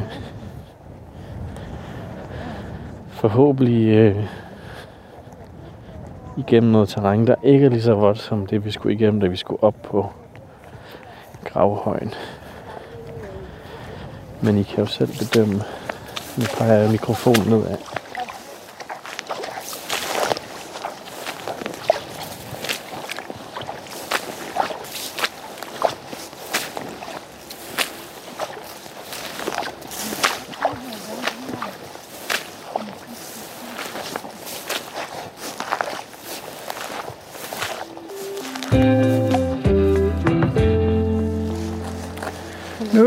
Kommet lidt ned imellem træerne her. Man kan høre en spætte i baggrunden. Så så også en flagspætte før. Men ellers så mangler vi jo øh, vores fuglemand Emil. Han ville jo vide, hvad det var for en spætte på stedet. Men sådan er det. Og øh, vi, vi står i, øh, i et område med lidt flere træer. Øh, flest bjergfyr, men i baggrunden kan man også høre bæveraspen, der står og rasler lidt med sine blade. Og der står også et par enkelte skovfyr her. Og det betyder jo, at altså, jamen, mikroklimaet, det, vi er allerede kommet lidt ned i læ, så det har, det har forandret sig af de her træer, der står her. Og øh, der begynder også sådan at dukke lidt, så er der en tåreblad, eller så er der en slørhat, eller altså tegn på, at der er nogle svampe her, som ikke laver mykorrhiza med dværgbuske, men som laver mykorrhiza svamperod, som lever i symbiose med de her træer, bjergfyren og skovfyren, og bæveraspen og birken, øh, og hjælper dem med at, at vinde kampen om næringsstofferne øh, i det her hedeøkosystem. Så på den måde, så kan, så kan balancen her på et tidspunkt tippe, og så bliver det mere skovagtigt. Men, men selvom det bliver skovagtigt, så hvis, hvis, hvis, øh, hvis skoven består af de her lystræer, som øh, skovfyr og, øh, og i et vist omfang også bjergfyr, birk, bæverasp, så kan hedelyngen jo godt blive, altså mange af lyngbussene, de kan blive hængende i sådan et lysåbent skovøkosystem. Jamen, det er, det er ikke så meget hedelyng, der bliver... Den er der jo, hvor der kommer lys ned imellem, men når, øh, lidt længere ind under buskene, der ser vi mere... Du har tyttebær derovre, og så øh, revling, altså sortebær. Mm. Det er sådan dem, der kravler længst ind i skyggen. Ja. Øh, der, der er en anden gradient der. Men det er rigtigt, der er stadigvæk, øh, altså bunden er stadigvæk øh, med, med dværgbuske, og der begynder så at komme en lille smule bølget bunke også, øh, kan man se. Øh, men det er stadigvæk øh, hidens planter, man ser, og, og man kan sige, at øh, bjergfyr ændrer ikke så meget på det, fordi den har ligesom lyngen nogle nåle, øh, der falder ned, som også er lidt svære nedbrydelige. Ja. Så jordbunden vil stadigvæk være en øh, altså sur øh, lavdel jord, som øh, mange planter vi har svært ved at klare sig i. Og, og hvad er så det langsigtede perspektiv her? Jeg kan huske, at Bent Odgaard har vist det i, i gamle undersøgelser fra, fra øh, lag i bunden af søer, at hvis man ser på pollenanalyser, så, så har der her i Vestjylland været kontinuert element af hede, også selvom det har været dækket af sådan en lys skov. Så hvad er det langsigtede perspektiv her? Bliver det kommer der så en brand på et eller andet tidspunkt og åbner, og åbner den her fyreskov, eller hvad der nu måtte komme øh, om 100 år eller 200 år, eller hvor lang tid du nu går med det, og åbner den op igen, så heden kommer tilbage, eller hvad, hvad, hvad, hvad forestiller man sig? Jamen, der er jo der er mange scenarier. Øh, altså, vi så jo et hjørne af heden, hvor der, altså, hvor der var kommet de, decideret højskov, med, hvor vi også så bøg og ahorn mm. inden. Og, øh, og det er jo noget, vi diskuterer og absolut ikke er enige om, hvad der vil ske. Øh, og man kan sige, at på et eller andet tidspunkt, det ved vi jo, så, så kommer der nok en brand. Altså, der er meget af det her, der er meget brandbart. Øh, altså, der er nogle olier i fyretræerne også, og i dværgbuskene. Øh, og der har jo været brænde her tidligere også, der har øh, brændt store områder. Mm. Men problemet er, at hvis der kommer brand nu, så kommer der også et brandvæsen, og der går ikke ret lang tid, før den er slukket. Så, så altså, ligesom øh, du var inde på med de vilde græsser, så er der jo nogle processer, som vi som mennesker stopper i naturen. Øh, og selvom vi har et område her, som får lov at passe sig selv, så vil de jo ikke få lov at brænde ned. Mm. Øh, så, så på den måde, så har vi jo stadigvæk som mennesker en indflydelse, og det har vi også i kraft af, at, at der er jo også stadigvæk en kvælstofdeposition. Men jeg tror jo, at efterhånden vil der jo her blive opbygget så meget organisk stof, at næringsforholdene vil, øh, vil kunne bære, at, øh, at der kommer en, altså også en, en mere lukket skov her på stedet. Øh, om det så tager 100 år, eller 200 eller 300 år, det ved jeg ikke, men, men altså, jeg tror, det altså, udviklingen går mod, at der kommer øh, der kommer en lukket skov. Mm. Og, og så det, der taler imod, det er jo, at i perioder bliver den her hede rigtig, rigtig våd. Og vi er på vej ind i en periode, hvor den bliver mere og mere våd. Mm. Og det betyder jo, at træerne, øh, de dør. Mm. Og det ser vi også nogle områder herude, hvor, øh, hvor der står træer og syner ind i, en, øh, i sådan nogle temporære søer. Men altså, det er jo, der er jo ingen tvivl om, at det her det er jo et vanvittigt interessant eksperiment. Man har simpelthen besluttet sig for på et tidspunkt at pille nallerne, og vi ved, at det er noget af det, vi mennesker har allersværest ved overhovedet at gøre. Ikke? Øh, fordi vi synes hele tiden, at der er et eller andet, der skal være på en anden måde, eller laves om, eller sådan noget. Men det, men det er jo noget, man kan lære noget af. Og det kunne være en tilgang til vores natur. Lad være med at gøre noget, og lad den bare mm. passe sig selv. Og det, giver jo, det gør jo, at naturen bliver vild på sine egne præmisser, men selvfølgelig også på de præmisser, som nu findes i landet Danmark. Altså, mm. Fordi den her hede ligger jo, man skal ikke zoome så meget ud på et luftfoto, så kan man se, at den her hede ligger jo midt i et intensivt dyrket landbrugsland, og selvfølgelig på mange godt og ondt præget i. Og I taler om kvælstofdepositionen, og, og jeg kan jo ikke lade være med at nævne de store dyr, fordi det kan godt være, at der kommer et par rådyr her. Men, men hvis det havde været et naturligt landskab, så havde der været præcis så mange dyr, som der havde været med til. Og det er der ikke i dag. Nej. Øhm, så, så hvad kan vi lære, når nu vi skal forvalte heder andre steder i Danmark, eller i det hele taget øh, forvalte natur andre steder i Danmark? Hvad kan vi så lære af det her? Er det, er det den rigtige måde at gøre det på, altså hands off? Eller, eller skal vi gøre noget for at rette op på fortidens eller nutidens synder? Og ligesom skabe bedre rammer for vild natur. Hvad, hvad tænker I nu? Nu er I gået her i overvis. I, I må have stillet jer selv det spørgsmål, tænker jeg. Mange gange. Ja. Øh, og jeg synes, at det er svært. Altså, jeg, jeg synes, vi skal have masser af vild natur, men jeg, øh, jeg nyder jo også meget den plejede natur. Og jeg synes, øh, det øh, David har fundet i sin Ph.D., øh, viser også, at det er forskellig biodiversitet, vi får.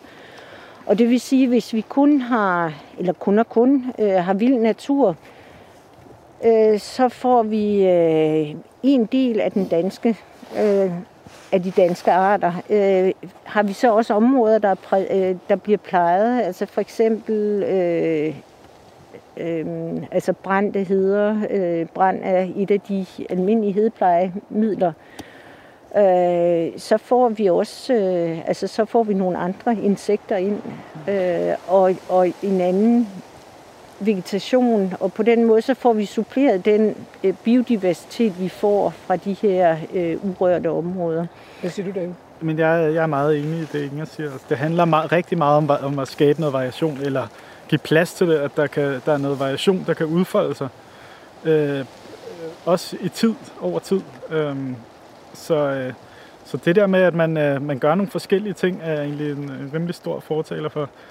Altså det, for, for mig, der vil det være utrolig svært bare at, at, at, lade, at lade hederne fuldstændig stå øh, alle steder, fordi vi vil miste en masse arter. Det er jo på en eller anden måde også sådan lidt, lidt selvisk, at jeg gerne vil have, at de arter skal være øh, de steder der. Men vi har jo øh, især insekter, tænker på en fauna, som er tilknyttet de her åbne landskaber, som mennesket mere eller mindre har skabt. Øh, og det vil, det vil være trist at vinke farvel til dem, men det vi også kan se fra mange af arterne, blandt andet sommerfugle og sådan noget, det er, at de forsvinder over tid, som, øh, som landskabet ser ud nu. Så, øh, så jeg, jeg tror på, at det handler om at give plads til, at der kan udfolde sig noget variation. Men, men altså, er det ikke noget pjat, det der? Vi har, hvad er det, vi mennesker har skabt? Altså, vi er jo biologer her, så skal mm. vi ikke forestille os, at alle de her arter var der... Altså, homo sapiens er en ung art. Vi har været her altså et par hundredtusind år eller sådan noget. Så vi, vi har egentlig ikke skabt noget, så, så skulle vi ikke forestille os, at den vilde natur egentlig ville være varieret og øh, dynamisk nok til at, at kunne rumme levesteder for, for de arter, der er her? Jo, jo. Men man kan samtidig sige, at vi har skabt et kulturlandskab. Altså, vi har jo på en eller anden måde påvirket de mange af de arter, som vokser mange af, i, i, som vokser i vores naturtyper. Så vi har jo på en eller anden måde været med til at, at skabe de landskaber, de habitattyper, vi ser. Ja, det er meget menneskepåvirket, og som ja. jo også har fortalt det, man kan se de der spor af tidligere tiders landbrugsdyrkning i 100 år og mere efter, at man er ophørt. Og mange af de planter, vi står her øh, imellem, jeg vil næsten sige, de fleste af de vedplanter, vi står her imellem, det, det er resterne af de bjergfyr, som vi har indført og plantet i, i, i et hegn. Så vi står i på mange måder i et landskab, som er meget præget af menneskers aktiviteter. Men det, jeg fisker efter, det er, har vild natur ikke sin egen af sin egen ret, om jeg så må sige. Altså, jo, jeg, jeg, jeg bliver sådan lidt, åh, skal vi nu til at, så skal vi jamen, øh, dyrke variationen, men kan vi ikke lade naturen selv finde ud af jo. at lave variationen? Jamen, det kan, øh, jo, jeg kan jo sagtens følge dig, og det er jo heller ikke første gang, vi har hørt de her øh, ting. Altså, der hvor jeg nok øh, Altså, jeg går også ind for, at vi skal have... Jeg, jeg nyder det her sted. Jeg elsker at komme herud, og jeg elsker at gemme mig herude. Fordi, øh, hvor kan man gemme sig i naturen i Danmark? Det kan man ikke, fordi det hele er... Øh, altså, det er jo ligesom parker. Mm. Øh, men omvendt, så har jeg det også sådan, at øh, vi skal selvfølgelig have øh, en masse vild natur, fordi det mangler vi i Danmark. Det kan man jo også se, at vi ligger lavest på alle øh, tabeller øh, mm. over, hvor meget natur der er, og hvor meget skov der er osv. Men omvendt, så skal vi også øh, overveje, øh, altså, fordi det, handler, det her handler jo også om, om vores skove. Altså, skal, skal alle vores skove være vilde? Øh, fordi det er jo også der, vi ender, hvis vi lader det hele gro til. At, øh, at øh, vi ender med en, en, en masse urørt skov. Ja. Og det synes jeg er rigtig godt, men vi skal også øh, sørge for, at det forbrug, vi har af træprodukter osv., at det ikke er, er noget, vi så omvendt henter i øh, et eller andet, andet land, hvor vi så ligesom siger, jamen altså, vi er så rige i Danmark, så vi kan sagtens lade være med at bruge vores jord, øh, og så kan vi øh, have den der vilde natur, som vi kan nyde, og så kan vi hente vores ressourcer i, i andre lande. Øh, og det er selvfølgelig mest i forhold til netop skovene. Altså skal vi, skal vi dyrke skove, eller skal vi lade dem stå urørte? Øh, og hvis man tager hederne, øh, altså det vi kan se, det er jo, som du siger, det er jo et, det er jo et kulturprodukt. Det er jo nærmest, øh, altså overalt, hvor vi kigger os rundt, så, øh, så går vi rundt i noget, der er et kulturprodukt. Altså de skove, vi lægger ud nu som urørte skove, det er jo også de fleste af dem er plantede skove, og, og der vil være spor af det øh, mange steder. Øh, og, og der, hvis vi skal bevare øh, på hederne specifikt øh, biodiversiteten, så skal vi ind og have fat i hele kæden af succession fra den helt åbne og det er jo igen de der processer, som vi, vi har jo stoppet sandflugten. Mm. Og det vil sige, at vi mangler jo de der helt bare sandflader på hederne, hvis man skal tage den naturlige ind igen. Og det er jo øh, det er muligt, at vi vil få dem med, med de store græsser. Det vi så ikke ville få, det var jo, øh, det er jo, at øh, de der dværgbussamfund, øh, de, vil, de vil forsvinde, hvis vi øh, har megagræsserne inde. De har jo været her engang sammen med de store planteæder. Det er jo kun de sidste 70 år, at vi ikke har store planteder tilbage i landskabet. Det er jo helt nyt. Ja, ja, men det har de jo været netop, fordi det... Der har jo også været forstyrrelser igennem tid, ikke? Altså brand og så videre, ikke? Altså, tænker, der, har ligesom været, der har været en masse dynamikker, ja, ja. Øh, som vi ikke har mere, fordi vi, fordi vi stopper dem, og det gør vi ret effektivt. Men det lyder lidt som om, tænker jeg, at I er lidt bekymrede for, hvis nu, hvis nu der kom for mange forst- altså naturlige forstyrrelser, fordi så vil, det er jo meget lidt forstyrret lige nu, fordi der ikke netop er nogen hedepleje, er der ikke nogen store planteæder, og derfor så er der meget, kan man sige, som, som du også beskriver det, Inger, opbygning af biomasse i systemet her. Ja. Rasmus, hold lige fast i den tanke. Ja. Jeg, tror, jeg tror, vi skal gå ind lidt i læ. Øh, Det regner lidt. Ja, det regner lidt, ja. Øh, ja. Øh, jamen, der skal vi gå ind derover og så på den vej. Jeg skal ind derovre. Gøre det. Jamen, Vi- vi ind i prøver lige at bjerg, finde bjerg, læ. bjergfyren er den bedste at stå inde.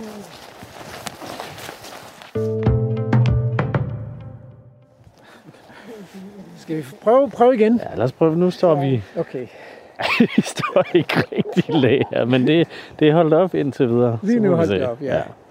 Jamen, jamen det, det, som jeg lidt fornemmer, ikke, det er sådan, at der er sådan lidt en bekymring for, hvis nu vi lavede rewilding her, altså det her, som de har lavet på Mols Laboratoriet, hvor de har sat et hegn, og så har de sat store planteæder ind, og så lad, de, lavet planterne passe sig selv, om jeg så må sige, ikke? og være, være der hele året rundt og spise, æde det, de har lyst til at æde, og blive så mange, som der er mad til og sådan noget.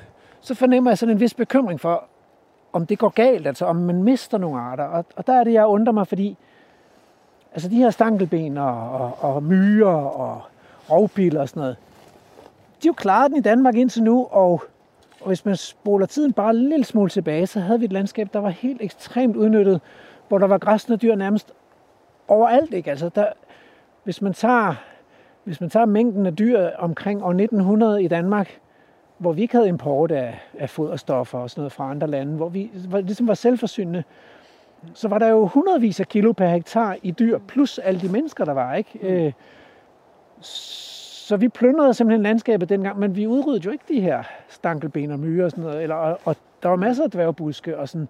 Så, så på en eller anden måde, så er der, jeg kan ikke, er det så stor en trussel mod... Nej, men det, jeg ved heller ikke, jeg, jeg, synes, øh, jeg synes, diskussionen er svær, fordi øh, vi har et landskab, som er ekstremt fragmenteret, øh, og det er rigtigt, at nu øh, så har man fået græssende dyr på Mols, øh, og så går der noget køer og heste og sådan noget, men, men for mig er det jo heller ikke de naturlige processer, fordi man sætter et hegn op, og, øh, og Altså for mig er græsning øh, noget, der foregår over meget store om, på meget store områder. Det er jo også noget, man er begyndt at kigge mere på, fordi det der er problemet ved græsning på mindre områder, det er, at man får en meget, altså alligevel relativt homogen græsning, fordi de kan ikke gå væk. Øh, de kan ikke øh, søge et andet sted hen, hvis der hvis der kommer, nu kommer der ikke lige en uld, men hvis der nu var et eller andet andet, det kunne være parasitter nede ved, ved søen, eller hvad der nu er, mm. de er bundet til et meget lille område, fordi, og, og dermed får man ikke den der variation af områder, der ikke bliver græsset særlig hårdt, hårdt og fordi der alligevel vil være et græsningstryk, der gør, at de spiser rimelig op, i hvert fald fordi man kører efter bær, områdets bærekapacitet. Men det er vel det naturlige princip, at der er så mange dyr, som der er mad til i økosystemet. Ja, men det naturlige princip er bare ikke hegn og 100 hektar eller sådan noget. Det er jo så, Altså, altså, du- at, at, at man bevæger sig. Altså, hvis det stod til mig, øh, og det var egentlig tilbage, da vi lavede øh, jamen, planerne for urørt skov, øh, der sad vi med øh, værktøj, hvor man kiggede på, lavede en strukturel analyse. Og vi sad og prøvede at kigge på, hvor har vi skov i Danmark og sådan noget. Og der, det vil jeg sige, altså hvis man skulle lave en vision, så skulle det være en kile op gennem Jylland.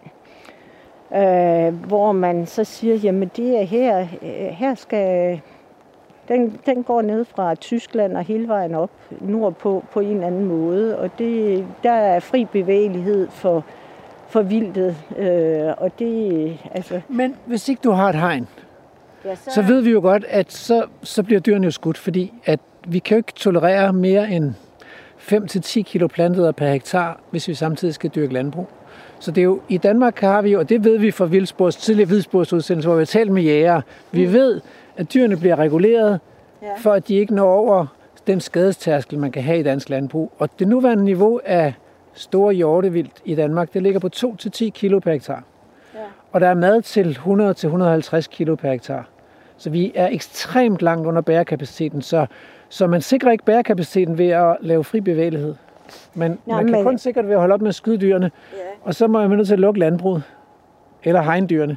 Ja, ja, men altså, det er jo det, der er problemet, og det er der, jeg synes, øh, altså der for mig, det mister øh, hele den der rewilding-ideen, øh, det er, når du putter hegnet op. Det skal være ekstremt stort, øh, for at det begynder at ligne nogle, altså en fri bevægelighed øh, af de dyr, øh, så de netop kan søge væk, øh, hvis der er parasitter, eller hvis der er noget andet øh, i området. Men Altså, men det der med at gå ind i et område, hvor du kan mærke, altså du kan mærke det hegnet, og, og, og du kan se, øh, hvad, altså du har ligesom uden for hegnet og inden for hegnet. Altså det, øh, det, det tiltaler mig ikke sådan som, fordi øh, rent æstetisk synes jeg ikke, det er, er særlig fedt.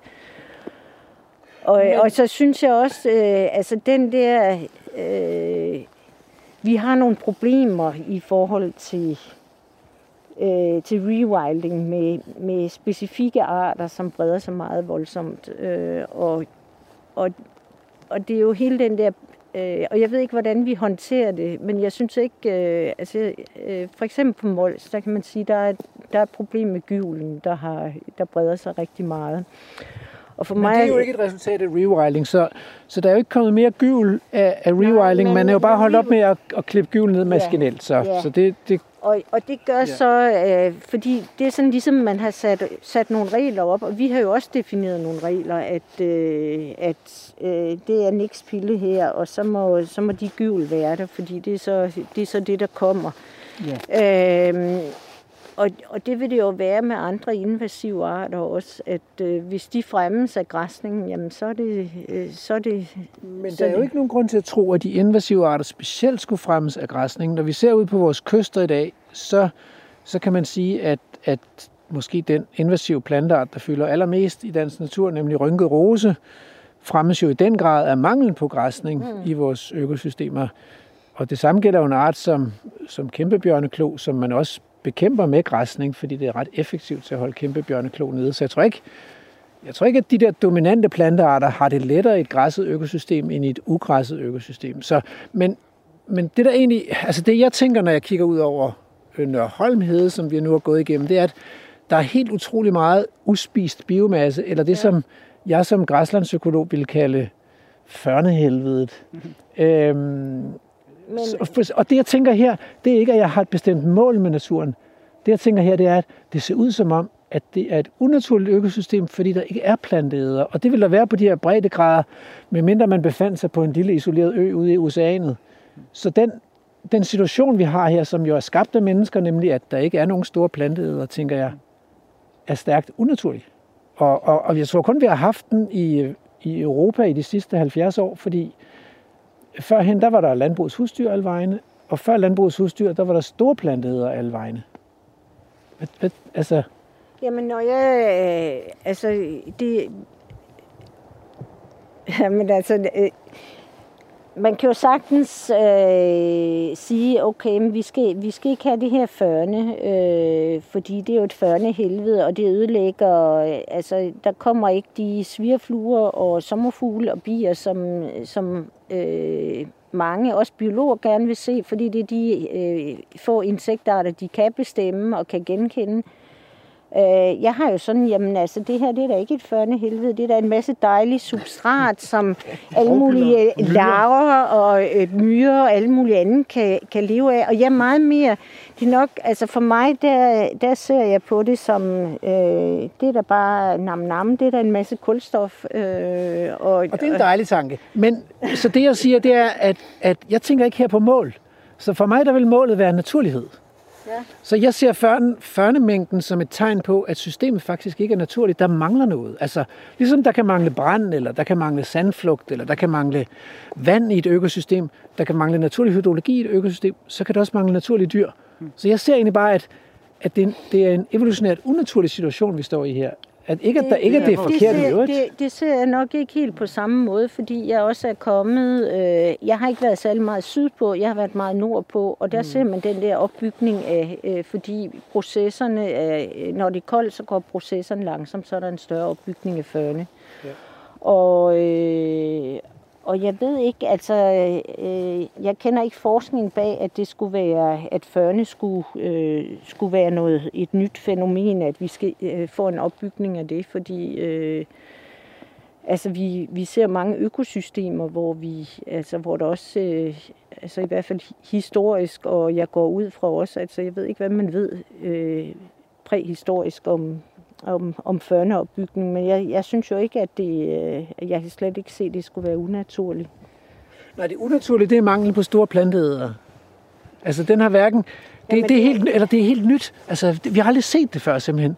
Så, så hvis man tæller, hvor mange husdyr, der var ude i det græssede landskab i historisk tid, så var de overalt. Og, og, og hvis man går tilbage fra før mennesket var jæger samler, så var der store dyr overalt. Så det, det, det er de store dyr, jeg mangler. Førnen er bare et tegn på, at de ikke er her. Hmm.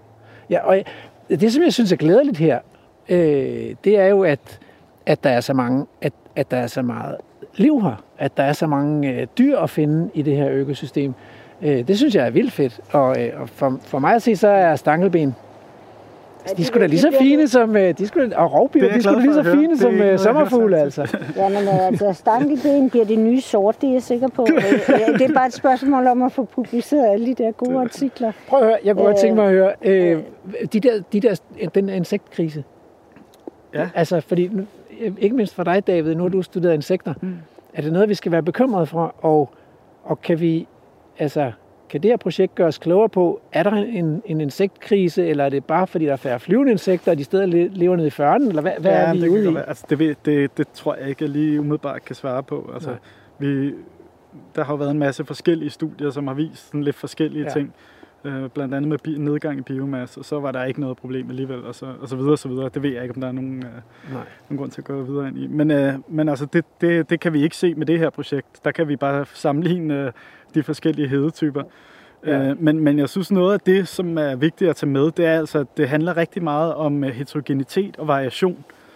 Øhm, og få, øh, at få givet plads til det, at det kan opstå enten ved hjælp af, af pleje, eller øh, ved hjælp af græsning, eller ved hjælp af andre tiltag. Det handler om at skabe et øh, diverst økosystem, som, øh, som i høj grad kan klare sig selv, vil jeg sige også.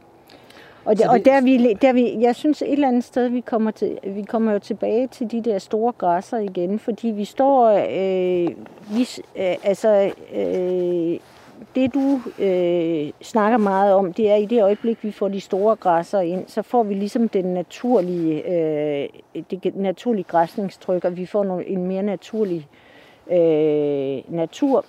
Ja. Og, ja, og det ved jeg godt.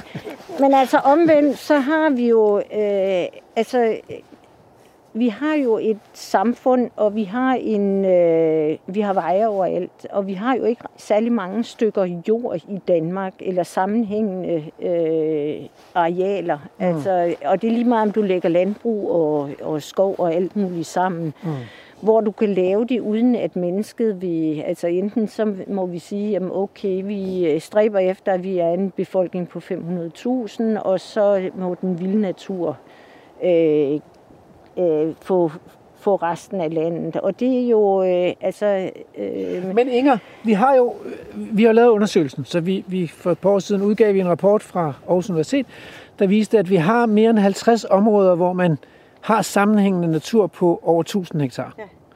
Men, så, men det er rigtigt, at de områder findes. Ja. Øh, og det, øh, dem, men altså i det øjeblik, du så sætter hegn op omkring dem, altså ja. så mener jeg, så, øh, altså, hvor er så den vilde natur? Inden for altså, hegnet? Jamen inden for hegn, men altså den vilde natur, øh, de der store græsser, øh, deres, deres natur er jo netop at, altså, at bevæge sig over store områder, fordi meget af den forskning, der foregår, det er hvor man kigger på øh, altså de der enorme øh, altså områder i Afrika, hvor du har 25 lande involveret, hvor, hvor græsserne bevæger sig efter vind og vejr og klima og, øh, og årstider og alt muligt andet, og, og hele tiden forsøger at finde noget føde et sted. Ja, nogle af dyrene har de der storskala migrationer, og, og, og nogle af dyrene er ret stationære.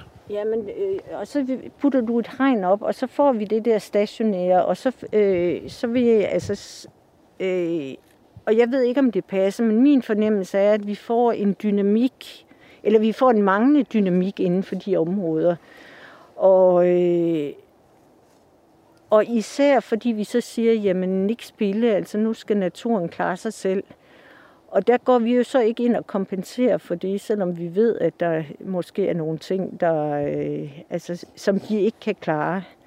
Og der sker jo også det, altså det har vi også set, at så bison ved, øh, altså ved øh, Vorebænge ved Randers, øh, så dør de af mineralmangel om vinteren. Fordi, og det er, jo, det er jo naturlige processer, men der bare ikke, altså skal vi, øh, jeg synes vi skal have, jeg synes, vi skal have mere forskning, før vi ruller det her ud, fordi det, lige nu så går det ekstremt hurtigt med at få rullet. Det går øh, altså ikke ret hurtigt, så der er, hvis man tager øh, al den beskyttede natur i Danmark, paragraf 3-naturen og skovnaturen, så er der øh, langt under en promille af det, som er rewildet. Så, så, så på den måde, så, så går det ikke hurtigt.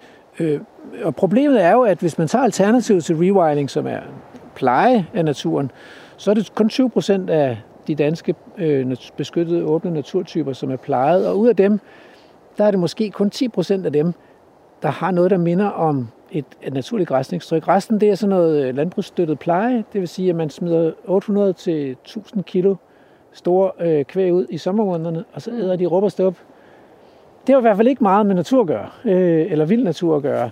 Så, så man kan sige, at, at vi står i en situation i dag, hvor vi har et, øh, et, et fortsat biodiversitetstab, og, øh, og en stor del af det tab, det skyldes øh, tilgroning af vores lysåbne naturtyper. Og hvad skal vi gøre? Mm.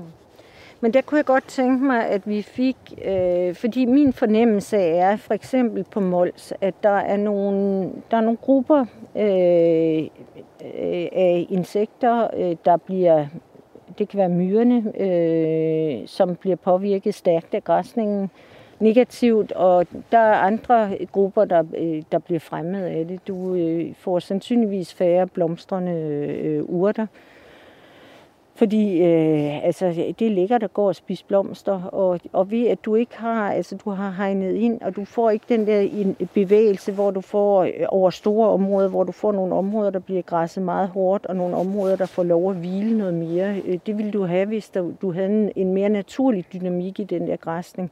Og jeg kunne godt tænke mig, at vi fik noget mere viden om, hvad er det egentlig, øh, den der græsning gør, fordi det er rigtigt, at der er ikke så, så mange rewildede områder, men der er en enorm interesse for det. Og jeg synes, i forhold til, hvor hurtigt der begynder at komme flere områder med de store græsser, i forhold til, hvor meget forskning, eller hvor lidt forskning vi har, øh, der kunne jeg godt tænke mig, at der var en bedre balance, så vi lige kunne følge med og finde ud af, hvad er det egentlig, vi har gang i. Men øh. Inger, der er jo heller ikke dokumentation for, at den naturpleje, der foregår i dag, virker.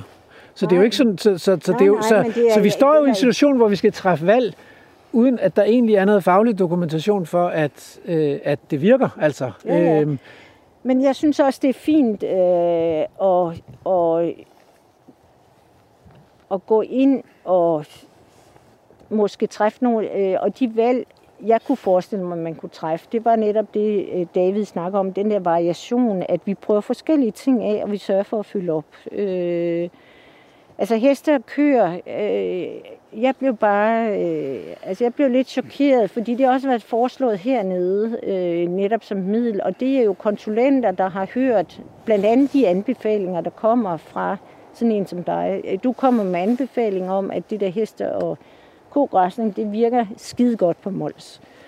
Og det er muligt, øh, men det er jo ikke dokumenteret heller endnu. Øh, og og samtidig går det ud øh, med anbefalinger om, at det, det kan man implementere rigtig mange steder. Og det er der, jeg bliver bekymret, fordi jeg synes, øh, vi skal prøve at se, om det så også hvordan virker det på tværs af forskellige jordbundstyper, forske- på men tværs af forskellige men Inger, når vi har haft en evolutionær historie for de her lysåbne økosystemer, også de skovdækket for den sags skyld, hvor der i et millionårigt perspektiv har været store planteder, hvad får du så til at tro, at at det at have store planteæder i naturlige tætheder skulle, ikke skulle virke. Altså, det virker ikke som nogen god biologisk hypotese.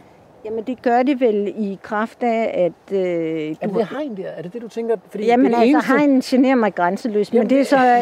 Øh, men, men, men det er nej, det men det er, argument, ikke? Fordi, nej, fordi... det er også størrelse, fordi det er, der er jo... Og så er det også... Øh, altså, hvad er det for nogle dyr, vi bruger? Altså, dyr græsser meget forskelligt, og øh, ja. har meget forskellige præferencer. Og, øh, Og i evolutionær og- kontekst og, har der i været evolutionær kontekst, mange forskellige dyr. og der har også været rovdyr, og det har du jo også selv snakket om, ikke? Ja. som har netop skabt øh, noget af den dynamik, hvor du i perioder har meget lavt øh, græsningstryk, og i andre perioder meget højt græsningstryk. Og du kan bare se øh, Ja. eksemplerne fra Jellingstøven, altså hvor man fjernede ulven, og så, øh, kunne man ikke, så fik man ikke mere skov. Altså, så ændrede det hele landskabet. Og, ja, ja, jo, jo, jo, det, men det, det mest, det mest øh, voldsomme eksempel, det er faktisk, at det er de exclosures, der er i Yellowstone. Øh, det giver en ekstrem opvækst af buske og træer. Øh, så der er selv med ulve et enormt effekt af de der store planteder i Yellowstone-økosystemet. Øhm, Jo, men det der jo også sker øh, i sådan et økosystem, det er, at du får jo også, øh, de jager jo også i bestemte områder. Det vil sige, du får en anden øh, landskabelig heterogenitet, som jeg synes, vi, øh, vi måske kommer til at mangle. Og det er, jo, det er jo noget af det, jeg synes, der er fedt her ved Nørholm Hede. Det er jo, at det er ekstremt diverst over landskabet, mm. og, øh, og selvom vi måske ikke kan se øh, det er sådan lige umiddelbart. Altså, der er jo også et, et relativt højt græsningstryk, øh, altså når vi kigger på vores resultater fra græsning, så er det jo, altså i det øjeblik, du sætter en hegn op, øh, så i løbet af, af fem år, så har du en 20 gange større, øh, 10 gange større biomasse af, af, af træer. Du får træer op over bidhøjden, og det gør vi jo ikke øh, altså, øh, bare med det græsningstryk, der er fra jordene nu. Så vi går jo også ind og påvirker øh, sammensætningen af arter, og, øh, Men- altså, øh, og, Men og alt efter hvad væk. valg. Vi er nok længere væk fra et naturligt græsningstryk i dag på Nørholm Hede, end vi ville, vi ville være, hvis vi satte hegn op. Og det er jo selvfølgelig fordi, at der er et landbrugsland rundt om, som gør, at bestandene af de store planteder er enormt små her. Og at diversiteten af de store planteder er enormt lille. Mm. Jeg tænker jo også, når vi snakker om de her store vilde økosystemer, så tænker jeg på Afrika, og, og når man kommer i sådan et afrikansk økosystem, og de har jo stadigvæk en intakt fauna med, med nogle af de store dyr, vi ikke længere har i Europa. Ja. Øh, når man kommer i sådan et økosystem, så er alle de store rovdyr der. Mm. Der er store plantheder overalt. I et økosystem, der er løver, der er leoparder, der er vilde hunde, og der er hyæner, og mm.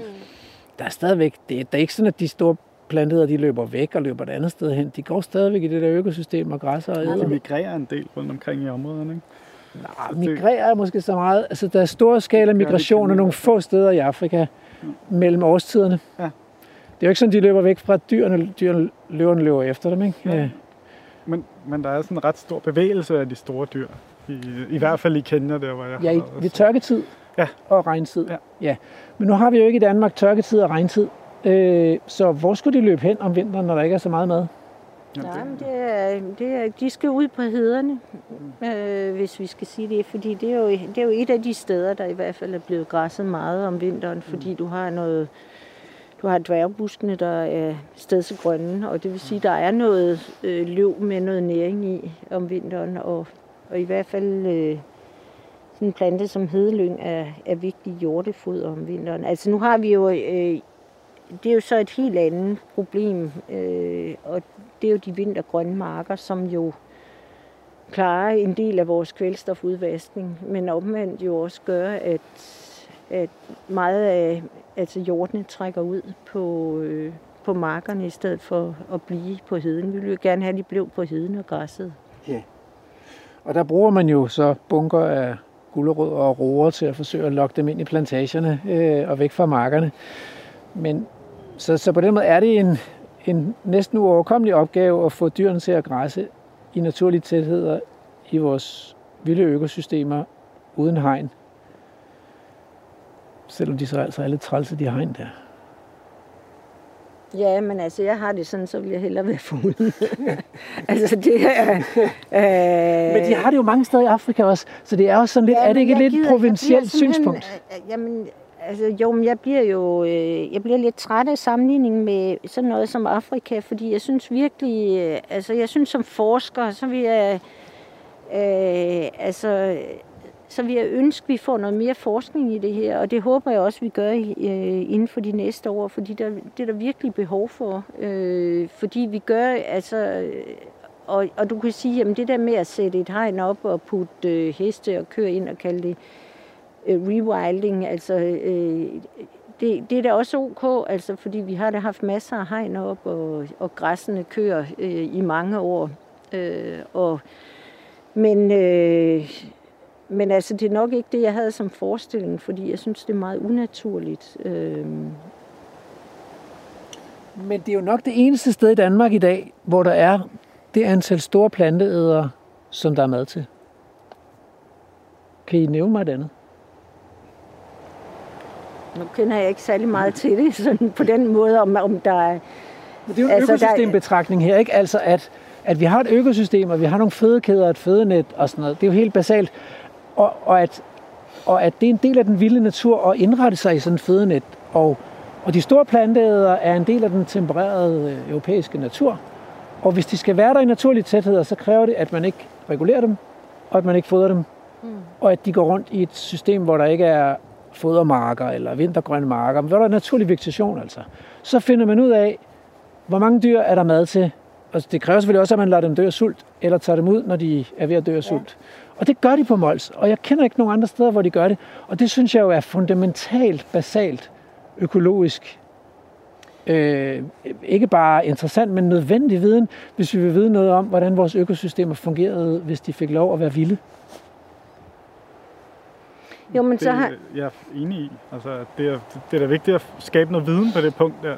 Ja. Øhm, og det, øh, jeg håber da også, at I får målt det og får, får testet effekterne ude på Mols. Ja, forløbig ved vi, hvor mange dyr der er mad til, hvilket i sig selv er et kerneresultat, tænker jeg. Og vi ved også, at uden rovdyr, så svinger det. Så, så lige nu er det nede på 70 kilo per hektar, og sidste vinter var de på 200 kilo per hektar. Så det er helt vildt dynamisk, altså. Det er ikke ensartet eller sådan noget. Og der var abs- abs- absurd mange blomster øh, den her sommer. Altså, over det hele. Jamen, det har det været meget jo, ja. altså ja. Øh, mange steder. Og der er jo sket, øh, altså, det ved jeg så ikke, hvor meget der er, øh, er resultat af køerne. Altså, der, der er jo sket rigtig meget øh, efter tørken i 2018 der er virkelig sparket til mange økosystemer, fordi mm. der, øh, altså, der, var, der blev virkelig brændt, brændt meget biomasse af, og mange mm. planter, der døde. Og der er så frigivet en masse næringsstoffer, der gør, og, og lys også, som, som gør, at der kom, der kom rigtig mange urter her de sidste, sidste år. Men I savner ikke flere store dyr her på Nørholmhed, er det rigtigt forstået? Jeg synes, det er et spændende eksperiment. Altså det der med bare at lade det stå og se, hvad der sker. Jeg synes mm. også, der er noget spændende over, at man ikke kan forudse, hvad der egentlig kommer til at ske. Altså det er for mig også ret vildt, mm. at, øh, at det handler meget om stokastiske processer. Altså det der med, at så kommer der en brand, så er der en masse år med tørke, eller så bliver det meget vådt, og så ændrer naturen og artsammensætningen sig, og det skaber en masse variation og, og en masse spændende dynamikker. Og, og som sådan et forskningsområde, der synes jeg, det, det er super spændende. Mm og lade det stå? Altså jeg synes noget af det, øh, jeg godt kan lide her, det er egentlig øh, de naturlige jordbundsprocesser. Øh, nu startede jeg meget som, som jordbundsbiolog, og, øh, og det ser man ikke andre steder. Altså man kan sige meget om de store græsser, men, men de giver også en, en mere jævn overflade, selvom de tramper plantedækket øh, i stykker og laver brud, så der kan komme nye arter ind og øh, plantearter. Så den mikrotopografi, som vi også har oplevet her med masser af ture og, det er der også på og, og masser... Det, jamen, det er der også i græsset økosystemer. Jeg bliver nødt til at sige, det er bare ja, sludder. Så de græsne dyr, de, de træder jo store, de laver jo knold, knoldstruktur i, i mosevegetation, og de græsser fint rundt om myreture, og du kan have sådan et landskab, der er fuldstændig bølget af myreture, som er et græsset landskab. Jamen, det er rigtigt, og der har du øh, den gule engemyre. Øh, ja. men, men omvendt, så har du måske altså 20, øh, 20 myrearter, hvor du har en øh, i de der græssede samfund. Så der sker jo også en ændring der. Uh-huh. Og man kan sige, at, øh, at myrerne flytter jo rundt på ekstremt meget biomasse, ligesom køerne øh, og hestene gør. Ja. Og, øh, og det synes jeg, altså det kunne være ekstremt spændende at, at finde ud af, jamen, hvad er det egentlig, de hver især kan? Og der, der er vi tilbage til variation. Vi skal bare sørge for, altså jeg er sådan set ikke imod øh, det, der foregår på Mols, og de tanker om at lave mere rewilding, det synes jeg er helt fint, og jeg kan også sagtens leve med, med nogle hegn, især hvis de bliver, øh, altså jeg går, øh, vil hellere have, have få og meget store områder, end jeg vil have mange, og så små hegnede områder. Det kan vi virkelig godt blive enige om. Øh, men jeg kunne godt tænke mig noget mere forskning i, hvad er det egentlig, de hver især fremmer og, og, øh, og hæmmer, øh, så vi også ved, hvad er det, altså i det øjeblik, vi siger rewilding, hvad er det så, vi gør? Fordi vi siger også ja, vi siger ja til en masse nye spændende ting, men, men vi ved, altså hvad er det så, det går ud over, altså hvad er det, vi rammer der, og kan vi sørge for, at vores områder har den størrelse, at, at vi sikrer den øh, variation, som der skal til. Ja. Fordi det er noget af det, jeg... Altså, øh, det er jo svært uh, her blandt tre forskere at blive uenige om, at forskning er godt uh, og vigtigt. Uh, ja. Så det er det naturligvis. Det jeg bare tænker, det er, at uh, rewilding er måske også blevet misforstået lidt, fordi det er sådan et, et, et fint nyt ord, men, men i virkeligheden så kunne man jo også bare kalde det vildere naturforvaltning. Mm-hmm. Øh, det vil sige, at man i stedet for at lave naturforvaltning med maskiner, så har man naturforvaltning med, med, med rigtige vilde dyr. Og i stedet for at lave det som øh, landbrugspleje øh, under landbrugsstøtteordninger med alt for øh, hård græsning i sommerperioden og dyrene på stald om vinteren, så går de ude ved lavere græsningstryk hele året rundt. Så, så man kunne også vende om og så sige, det, det ved vi jo godt noget om. Ikke? Vi har jo faktisk meget forskning i græs, græsland og og hedepleje og mosepleje, og, og vi, vi ved noget om, hvordan den der græsningspleje den virker på mange forskellige organismegrupper. Så det er jo ikke sådan, at vi står ikke på helt bare bund. Nej, men der hvor vi nok, øh, øh, altså vi ved jo ikke så meget om, hvad det betyder, at den så er helårsgræsning, fordi der øh, vender du, altså jeg tror, at helårsgræsning helt klart er, er bedre værktøj, fordi du lærer øh, du får det høje græsningstryk om vinteren, og tvinger dem mere over på, på vedplanterne end på øh, de blomstrende øh, øh, urter i løbet af året. Men jeg synes øh, omvendt også, altså du nævner der øh, øh, du nævner øh, de store græsser som, som sådan den der garant for den vildere natur, fordi jeg har jo sådan, altså jeg ser det måske mere, at, det er de naturlige processer som en garant for den vildere natur. Jamen, det er vi enige om, men der, og, jeg, og jeg ser bare de store græsser som en del af de naturlige processer. Jo, men jeg synes bare, at den bliver meget dominerende, og, og det er jo... Hvorfor, prøv, altså, det må vi lige have afklaret af, ja. her. Så det, jeg siger, det er naturlig hydrologi, ja. naturlig kystdynamik, ja. naturlig branddynamik, Ja. Og, og en naturlig pattedyrfauna. Vi får hvorfor, en... hvorfor, hvorfor er de ikke lige gode, de her? Jamen, det er... Fordi i det øjeblik, du hegner et område ind og smider, øh, så går du ind og, og sådan set på, øh, oven på de naturlige processer, der går du ind og sætter nogle øh, to udvalgte dyrearter ind, øh, det er rigtigt. Øh, som ja. under et hegn, og så siger du, at nu har jeg tilføjet den naturlige proces, der rigtigt. manglede. Det er rigtigt, men det her område er jo også hegnet ind, hele vejen rundt om, der ligger et dyrket landbrugsland. Det er jo kun 350 hektar, mm. så ligegyldigt hvilken proces, der foregår herinde, så er den indhegnet af det danske kulturlandskab. Så det vil sige, at en brand vil blive indhegnet. Øh, hydrologien her er indhegnet, fordi, fordi naturlig hydrologi også foregår i større enheder end på 350 hektar. Øh, grundvand, grundvandsdynamikken er på en eller anden måde impli- øh, indhegnet, eller i hvert fald påvirket af det drænsystem, der er i landskabet rundt omkring.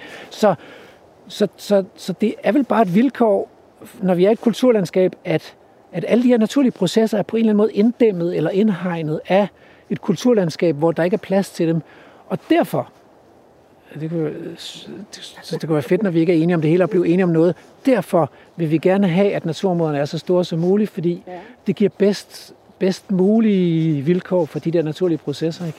Og det gælder både græsning og naturlig hydrologi. Prøv at tænke på Skjernå-deltaget. Vi har betalt et 60 millionbeløb for at genoprette Skjernåen men der blev alligevel ikke råd til en fuld genopretning, fordi vi kunne ikke åbne ud til Ringkøbing Fjord og Vesterhavet. Vel? Tidligere der har der jo været øh, øh stormfloder, som har skyllet ind igennem hele Skærnå-deltaget. Og vask, det er jo naturlig dynamik. Det er der ikke plads til, vel? Så vi lever et kulturlandskab, så, så vi kan ikke få ultimativt vild natur. vi bliver nødt til at få indhegnet, inddæmmet vild natur. Ja. Men jeg synes også, vi skal, altså jeg kunne også godt tænke mig, at vi blev enige om, jeg har også en kæphest. Uh, og, og det er sådan set, at når vi snakker vild natur, altså jeg tror nogle gange, der hvor jeg stejler, det er nok mere, at, uh, at den bliver, hvis den bliver ultimativ, uh, forstået på den måde, at alt andet er dårligt at det ligesom bliver en parameter, så vi, altså, øh, som vi måler landbrug øh, og skovbrug. Og, og nu kommer vi fra et institut, der arbejder meget med skovbrug. Mm. Og der oplever vi jo, øh, når vi snakker vilde, øh, vilde processer, øh, så er vi de onde, og, øh, og I de gode. Øh, og, det, øh, og der kunne jeg godt tænke mig, jamen altså selvfølgelig, fordi vi sidder der også og forsker i vild natur, og vil gerne vild natur, og der mm. kan vi godt blive enige. Men jeg kunne godt tænke mig, at vi også blev enige om, at vi er også nødt til som samfund at have en produktion og acceptere den på en eller anden måde. Og, øh, og en udfordring, og egentlig også, øh, det kunne være efterfølgende udsendelser, kunne handle om, hvordan får vi, øh, jamen det er den der sharing og spørring, altså skal vi integrere øh, produktion og vild natur, eller skal vi, skal vi forsøge at fordele vores land Så det der, det har jeg aldrig været uenig i. Nej. Så jeg er stor fan af effektivt landbrug og skovbrug. Mm. Og det skal jo være effektivt, fordi ellers så får vi ikke plads til også at have noget vild natur. Nej. Så på den måde, og vi mennesker kommer til at lægge beslag på det meste areal, sådan vil det altid være i Danmark. Mm. Det bliver vi ikke uenige om. Jamen, det er godt. Altså, at, øh, og det du antyder, Andrew, når du ser på ham på den måde, det er, at øh, det er ved at være tid til nyheder. Er det det? Skal jeg sige det? tilbage. Det, det, snart regne det, det, jeg tror, vi skal tilbage til bilerne, så kan vi runde af der. Skal vi ikke sige det? Lad os gøre det. Ja. Nå, så er det spørgsmålet, ah, nej, kan vi finde tilbage? Jeg kan godt finde tilbage. Jeg kan godt finde en tør vej, tak. Altså i virkeligheden, så er det jo de der hegn, der skiller os ad. Altså. Altså det, altså det er klart, at hvis der havde været store planter på her, så havde der ikke stået så meget græs på nuværende tidspunkt. Nej. Det havde der ikke. Det er rigtigt. Vi er øh, tilbage ved bilerne nu, og I diskuterede hele vejen tilbage også. Så det, altså, I må, men vi må have en part 2, tror jeg, på, på et andet tidspunkt. Så sige til, sige til lytterne, ikke, at, at, at, øh, at den her diskussion, vi har haft her, den afspejler jo en til en en øh, diskussion, der findes derude lige nu i, hvad kan man sige, blandt øh, forskere, rådgivere og forvaltere om, hvordan vi skal forvalte naturen, og også et clash imellem de her to paradigmer. Et naturplejeparadigme og et, og et, og et uh, rewilding-paradigme. Altså slip kræfterne løs, eller ej, lad os nu lige planlægge lidt, øh, sådan, så vi får Jamen, lidt af hver, ikke? Jamen, det, jeg er bare ikke enig med den der, fordi det er igen det der med de gode, og de sådan, øh, dem, der bare vil øh, altså, gå ud og pleje med en maskine og sådan noget. Øh, nej, men, men det der med, at, at du står for den vilde natur, du står for en bestemt øh, nogle bestemte vilde processer, øh, hvor jeg går ind og siger, jamen jeg synes, det er for domineret af de der ønsker om at få de øh, store vilde græs, øh, græsser ind, og så vælger man nogle køer og nogle heste, og så siger vi, nu har vi det, vi skal have et naturligt græsningstryk og sådan noget. Og der øh, tager man så, jamen det ved vi godt, hvad er. Øh, men det er stadigvæk, det er en hegning, det er en størrelse, det er uden rovdyr og så videre. Og der kunne jeg lige så godt sige, jamen det her, vi ser her, der har vi øh, hjortene er den største græsser herude, og de har et vist græsningstryk. Øhm, men der sker nogle andre processer her, som, som jeg mangler mange andre steder. Og det er hele jordbundsprocessen. Der er en mikrotopografi her, som du ser øh, sjældent udviklet så, så meget som her. Og ja, vi når ikke mere, tror jeg desværre. Vi er så vi det er en god afslutning. Det er opsummeret. Der. Så, så, så der er i virkeligheden, i virkeligheden en kamp om, hvad vildhed er. Så, så Inger abonnerer lige så meget på det vilde, som jeg abonnerer på det vilde. Ja. Hun synes bare, at det bliver mere vildt af ikke at have hegnet her, og jeg synes, det bliver mindre vildt af at mangle de store dyr. Og der er åben for endnu et program mere, tænker jeg. Ja, det er fint. Så, du, så kan du sige pænt tak til...